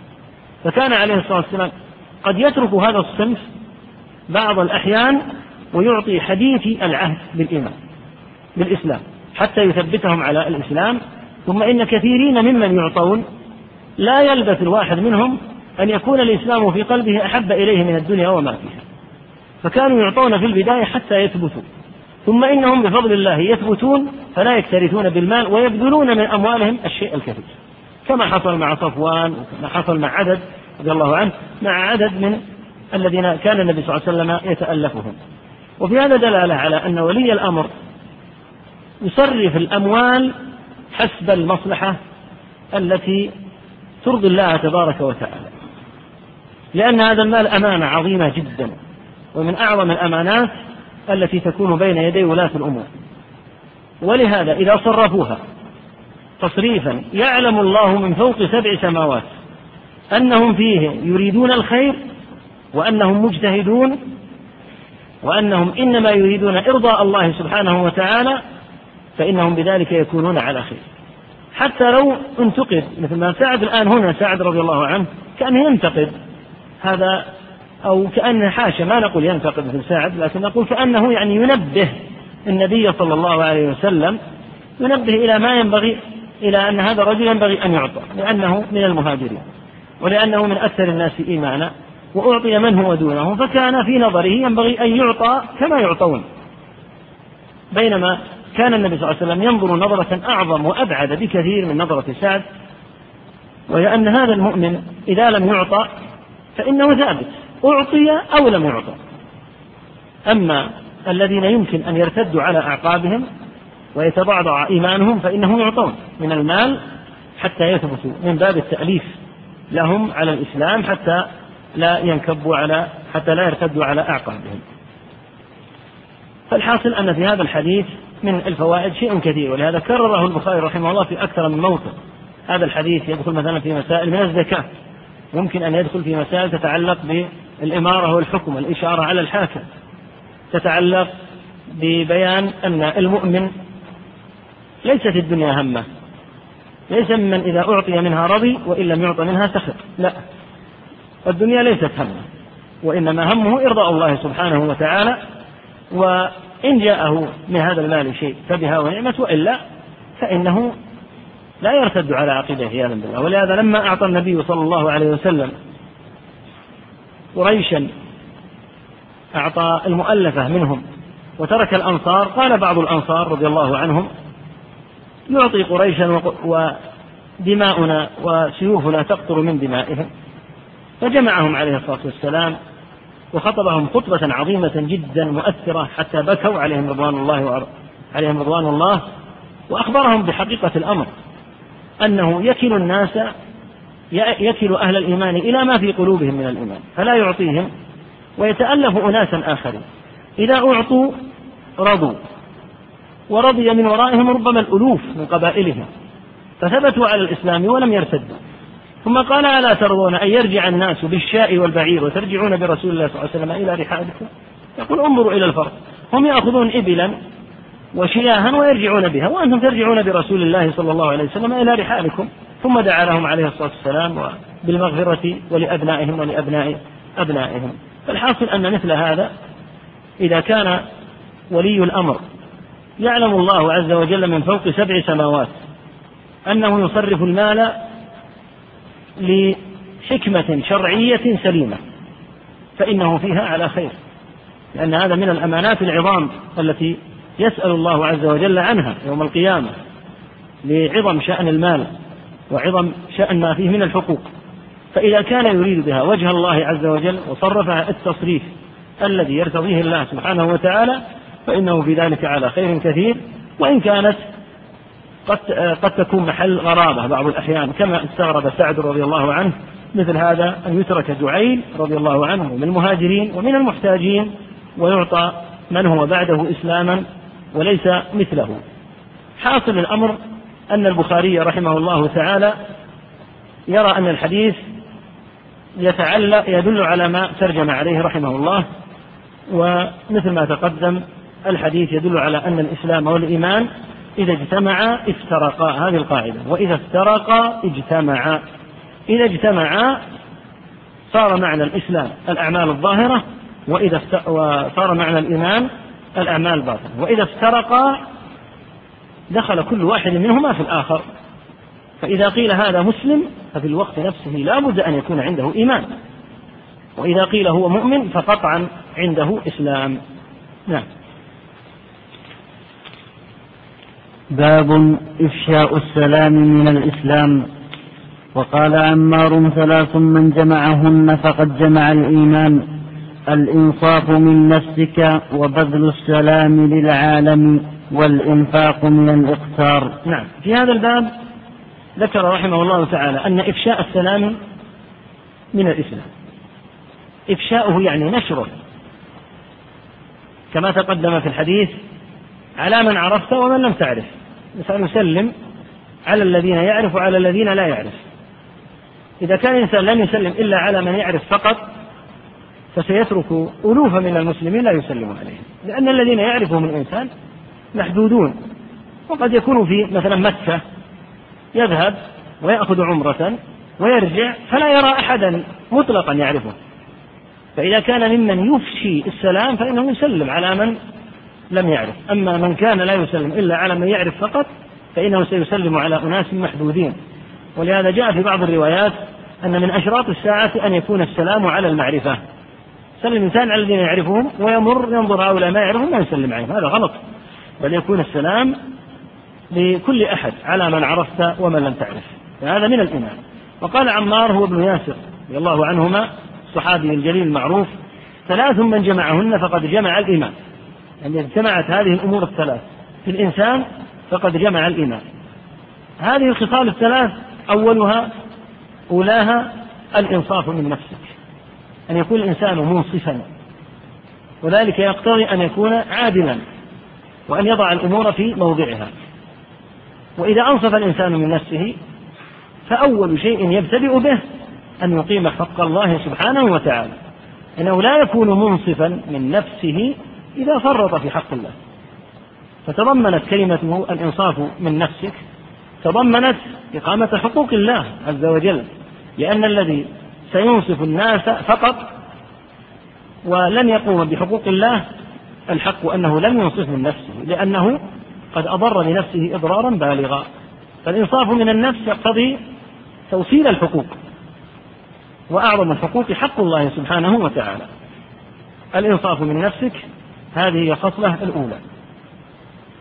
وبذل السلام للعالم يعني من المسلمين معلوم المقصود بذل السلام للمسلمين لأنه لا يلقى السلام إلا على أهل الإسلام وإذا سلم علينا أهل الكتاب فإنا نرد بكلمة وعليكم فقط كما وجه النبي صلى الله عليه وسلم فالخطوة الثانية هي بذل السلام وإفشاؤه ونشره وهذا من أعظم الشعارات التي لا ينبغي أن يستبدلها المسلمون بأي شعار مطلقا لا بشعار أجنبي ولا بشعار محلي فمن الناس من إذا رأى أخاه بدأه بأن صبحه بالخير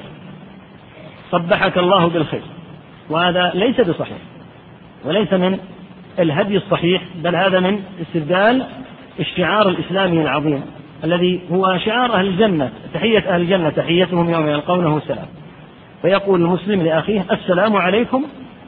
ابتداء أو يقول السلام عليكم ورحمة الله وبركاته وهذا أكمل ثم إن أراد أن يسأله عن حاله وأن يقول كيف أصبحت لا, لا بأس لكن لا تجعل هذه هي البديل عن السلام وبذل السلام للعالم يعني من المسلمين قطعا هذا أمر معروف والإنفاق من الإقساط بأن ينفق الإنسان حتى لو كان عنده شيء من الحاجة قد يكون عند الإنسان قد يكون الإنسان محتاجا ولكن لا يعدم أن يجد أشياء في العموم الأغلب يجد أشياء ينفق منها على أناس قد يكونون أصعب حالا منه ولهذا كان الصحابة رضي الله تعالى عنهم وأرضاهم مع حاجتهم الشديدة كانوا يحاملون يعني يدخلون إلى السوق لما أمروا بالصدقة ويعمل واحد منهم حمالا حتى يكتسب مالا ثم يتصدق منه رضي الله تعالى عنهم وأرضاهم ولهذا لما استهزأ بهم المنافقون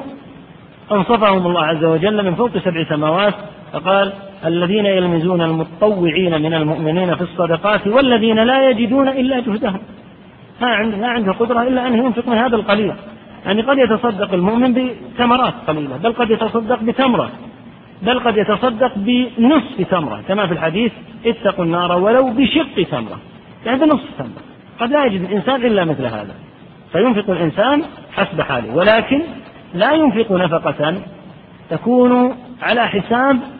من يجب أن ينفق عليهم كأن ينفق هذه النفقة ثم تكون هذه النفقة على حساب إضاعة أهله وبنيه ونحوه فينفق من الإقتار يقول من يقول عمار رضي الله عنه من جمع هذه جمع الإيمان الإنصاف من النفس ومن أنصف من نفسه أقام الحقوق كلها للناس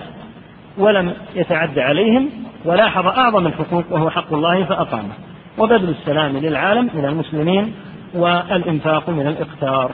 نعم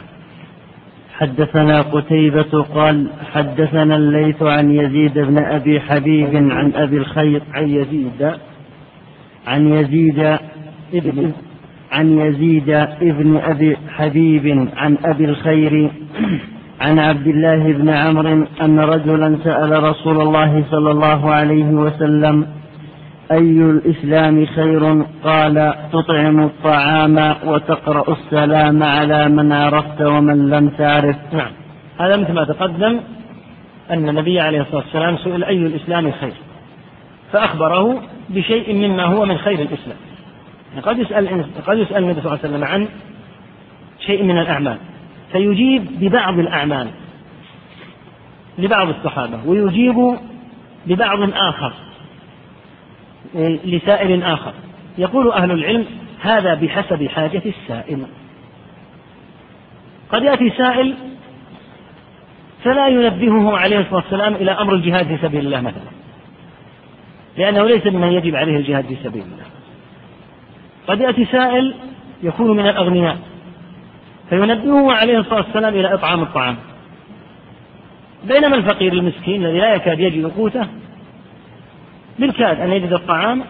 ينبهه عليه الصلاة والسلام إلى ما في مقدوره من الأعمال فأعمال الخير وأبواب الخير كثيرة جدا فينبه الإنسان إلى ما يليق به ويناسبه منها قال تطعم الطعام وتقرأ السلام على من عرفت ومن لم تعرف كما تقدم أن إلقاء السلام لا يكون انتقاء أعرف هذا وهذا أسلم عليه وأترك الآخرين لا أسلم عليهم بل الأمر سهل تمر بأخيك المسلم فتقول السلام عليكم أو السلام عليكم ورحمة الله أو السلام عليكم ورحمة الله وبركاته هي كلام ليس بصعب جاء في بعض الروايات أن من قال السلام عليكم كتب له عشر من الحسنات فإن قال السلام عليكم ورحمة الله كتب له عشرين كتب له عشرون فإن قال السلام عليكم ورحمة الله وبركاته كتب كتب له ثلاثة وهذا معناه أن الإنسان قد يكسب من السلام ألوف الحسنات بل قد يكسبها في اليوم الواحد لأنه إذا كان إذا مر في أثناء ذهابه إلى المسجد في ذهابه إلى العمل في طريقه في سوقه يجد أناسا كثيرين ممن يلقى عليهم السلام فإذا أفشاه كسب هذا الأجر إضافة إلى إبقائه للسنة العظيمة من المهم أن تبقى بين المسلمين هذه السنة العظيمة ولا تستبدل سنة السلام ولا تستبدل بشعار آخر من الشعارات التي تستخدم من أهل الكفر من الشرق أو من الغرب فقوله أي الإسلام خير ثم جوابه صلى الله عليه وسلم بأنه إطعام الطعام وإفشاء السلام معلوم أن المراد أن هذا من أفضل أعمال الإسلام وليس المراد أنه أفضل الأعمال على الإطلاق لأن التوحيد هو أفضل عمل على الإطلاق كما نبه شيخنا الشيخ عبد رحمه الله المقصود أن هذه من أفضل أعمال الإسلام فليس معنى ذلك أن إفشاء السلام أفضل من جميع الأعمال وإنما أن وإنما المقصود أن هذا من أفضل أعمال الإسلام إذ أفضل ما يلقى به العبد ربه هو التوحيد أعظم الأعمال على الإطلاق هو التوحيد نعم نعم باب كفران العشير وكفر دون كفر فيه عن أبي سعيد الخدري عن النبي صلى الله عليه وسلم نعم هذا هذا الباب أراد به المصنف رحمة الله تعالى عليه أن يبين أنه كما أن الإسلام كما أن الإيمان شعب فإن الكفر أيضا شعب وبين أن الكفر بناء على هذا سيكون كفرا دون كفر ليس بالضرورة كلما وجدت نصا فيه ذكر الكفر أن يكون المراد الكفر المخرج من الملة فقد أطلق الشرع على بعض الأعمال أطلق عليها اسم الكفر مع أنها قطعا قد يتلبس بها المسلم وذلك أن الكفر ليس على درجة واحدة فمنه كفر أكبر وهو المخرج من الملة ومنه كفر دون ذلك ويأتينا إن شاء الله تعالى بيان الباب الذي بعده إن شاء الله تعالى في بيان أن القتال القتال من أعظم الكبائر وإراقة دم المسلم من أعظم الكبائر إذا لم يكن في موضعه وفي محله ومع ذلك بين تعالى أن القتل هذا يمكن أن يقع بين المسلمين كما سيأتي في بابه بحول الله عز وجل وإن طائفتان من المؤمنين تفهم بالإيمان وإن طائفتان من المؤمنين اقتتلوا فذكر الإيمان وذكر الاقتتال ثم قال عليه الصلاة والسلام سباب المسلم فسوق وقتاله كفر فعرفنا بذلك أن قوله صلى الله عليه وسلم وقتاله كفر ليس معناه أن من أن من قاتل أخاه كفر يقينا ليس هذا معناه لأن الله تعالى ذكر أن القتال يقع بين المؤمنين إن يعني طائفتان من المؤمنين اقتتلوا إذا ما معنى إطلاق الكفر عليه معناه أن القتال شعبة من شعب الكفر وعمل من أعمال الكفر فإذا فعله العبد يقال فيه هذه الخصلة من خصال الكفر وليس معنى ذلك أنه كافر هذا باب في غاية الأهمية أن يتقنه طالب العلم كما أننا نقول الإيمان شعب فليس كل من كانت فيه هذه الشعبة بالضرورة يكون مسلما فعلى سبيل المثال إماطة الأذى عن الطريق شعبة من شعب الإيمان المنصوص عليها هذه الشعبة قد توجد في فيميط الأذى عن الطريق أو منيحة العنز أن يمنح عنزا بتحلة قد توجد في كافر لكن هذه الخصلة وحدها لا يكون بها الكافر مؤمنا قد توجد فيه خصلة من خصال الإيمان وفي الوقت نفسه قد توجد خصلة من خصال الكفر في مسلم ولا يكون كافرا كما أن كما سيأتي في باب آخر إن شاء الله تعالى يوجد في بعض المسلمين خصلة من خصال النفاق كالكذب في الحديث مثلا ولا يكون بذلك منافقا خالصا يكون بمعنى أنه يكون قد نافق النفاق الاعتقادي الذي يخرج به من الملة وذلك أن الكفر على درجتين فمنه كفر مخرج من الملة ومنه كفر دون ذلك وهكذا الظلم الظلم على درجتين ظلم أكبر يخرج من الملة وظلم دون ذلك وهكذا الفسق فسق أكبر يخرج من الملة ومنه فسق دون ذلك الفسق ذكره الله تعالى عن إبليس قال تعالى ففسق عن أمر ربه فسق إبليس فسق أكبر بلا شك وذكر الله الفسق عن بعض عصاة المسلمين كما في قوله إن جاءكم فاسق بنبأ فتبين يعني من مسلمين فالحاصل أن الفسق على نوعين والظلم على نوعين والشرك على نوعين والكفر على نوعين كلاهما منه أك... كلها منه أكبر وأصغر فلهذا ينبغي على طالب العلم أن يعي موارد النصوص وأن لا يحمل كل حديث فيه ذكر الكفر على الكفر الأكبر وإنما الكفر كفر, كفر دون كفر إذا قيل إن هذا الكفر دون الكفر معناه أنه ليس الكفر المخرج من الملة الأكبر بل هو كفر دونه وأقل منه فهذا من الأمور التي ينبغي أن يتفطن لها لأن عدم التفطن لها يجعل العبد يظن أن كل خصلة ورد فيها اسم الكفر تجعل العبد كافرا وهذا ليس بصحيح لأن الكفر خصال فقد يتصف العبد بخصلة منها ولا يكون كافرا كما أن الإيمان شعب وقد توجد شعبة من هذه الشعب في كافر فلا يكون مؤمنا وإن وجدت فيه شعبة من شعب الإيمان لأنه لا ينتفع بهذه الشعبة الكافر لا ينتفع بهذه الشعبة إلا إذا أسلم قبل ذلك فإذا أسلم وعمل بشعب الإيمان نفعته هذه الشعب أما مجرد أن يكون لديه مثلا منح يعني محبة للفقراء وعطف عليهم فيمنحهم منائح ويعطيهم أعطيات فمثلا قد يمنح منيحة العنز يقال هذه شعبة لا ينتفع بها في الآخرة لأنه ليس بمؤمن ولم يحقق الشرط الذي ينتفع به من الأعمال هذه فإذا حققها نفعته هذه الشعبة وعد من أهل الإيمان فكذلك قد توجد خصلة من خصال الكفر في مسلم خصلة فلا يكون بها كافرا يخرج من الملة لأن الخروج من الملة لا يكون بمجرد فعل بمجرد معصية من المعاصي كما سيأتي الباب المخصص لذلك إن شاء الله تعالى نعم قوله هنا كفران العشير العشير المراد به الزوج الزوج له حق كبير جدا على المرأة ولهذا قال عليه الصلاة والسلام لو كنت آمرا أحدا أن يسجد لأحد لأمرت المرأة لو على سبيل الأمر الممتنع لو كنت آمرا أحدا أن يسجد لأحد لأمرت المرأة أن تسجد لزوجها وذلك لما له من عظيم الحق فكفران العشير معناه أن المرأة تجحد ذلك المعروف الكثير الذي أداه إليها أداه إليها الزوج وكأنه لم يفعل شيئا كما سيأتي في الحديث نعم حدثنا عبد الله بن مسلمة عن مالك عن زيد بن أسلم عن عطاء عن عطاء بن يسار عن ابن عباس قال قال النبي صلى الله عليه وسلم قريت النار فإذا أكثر أهلها النساء يكفر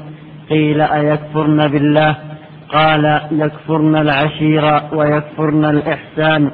لو أحسنت إلى إحداهن الدهر ثم رأت منك شيئا قالت ما رأيت منك خيرا قط نعم أولا قوله فيه عن أبي سعيد يعني في هذا الباب يدخل حديث أبي سعيد وهو قوله عليه الصلاة والسلام تصدقنا فإني رأيتكننا أكثر أهل النار فسأله عن سبب كون النساء أكثر أهل النار نسأل الله العافية فأخبرهن أن من أسباب ذلك هاتان الخصلتان الخصلتان عياذا بالله تكثرن اللعن هذا يدل على أن إكثار اللعن من أسباب دخول النار ولهذا جاء في الحديث أن اللعانين لا يكونون شهداء ولا شفعاء يوم القيامة إكثار اللعن يجعلك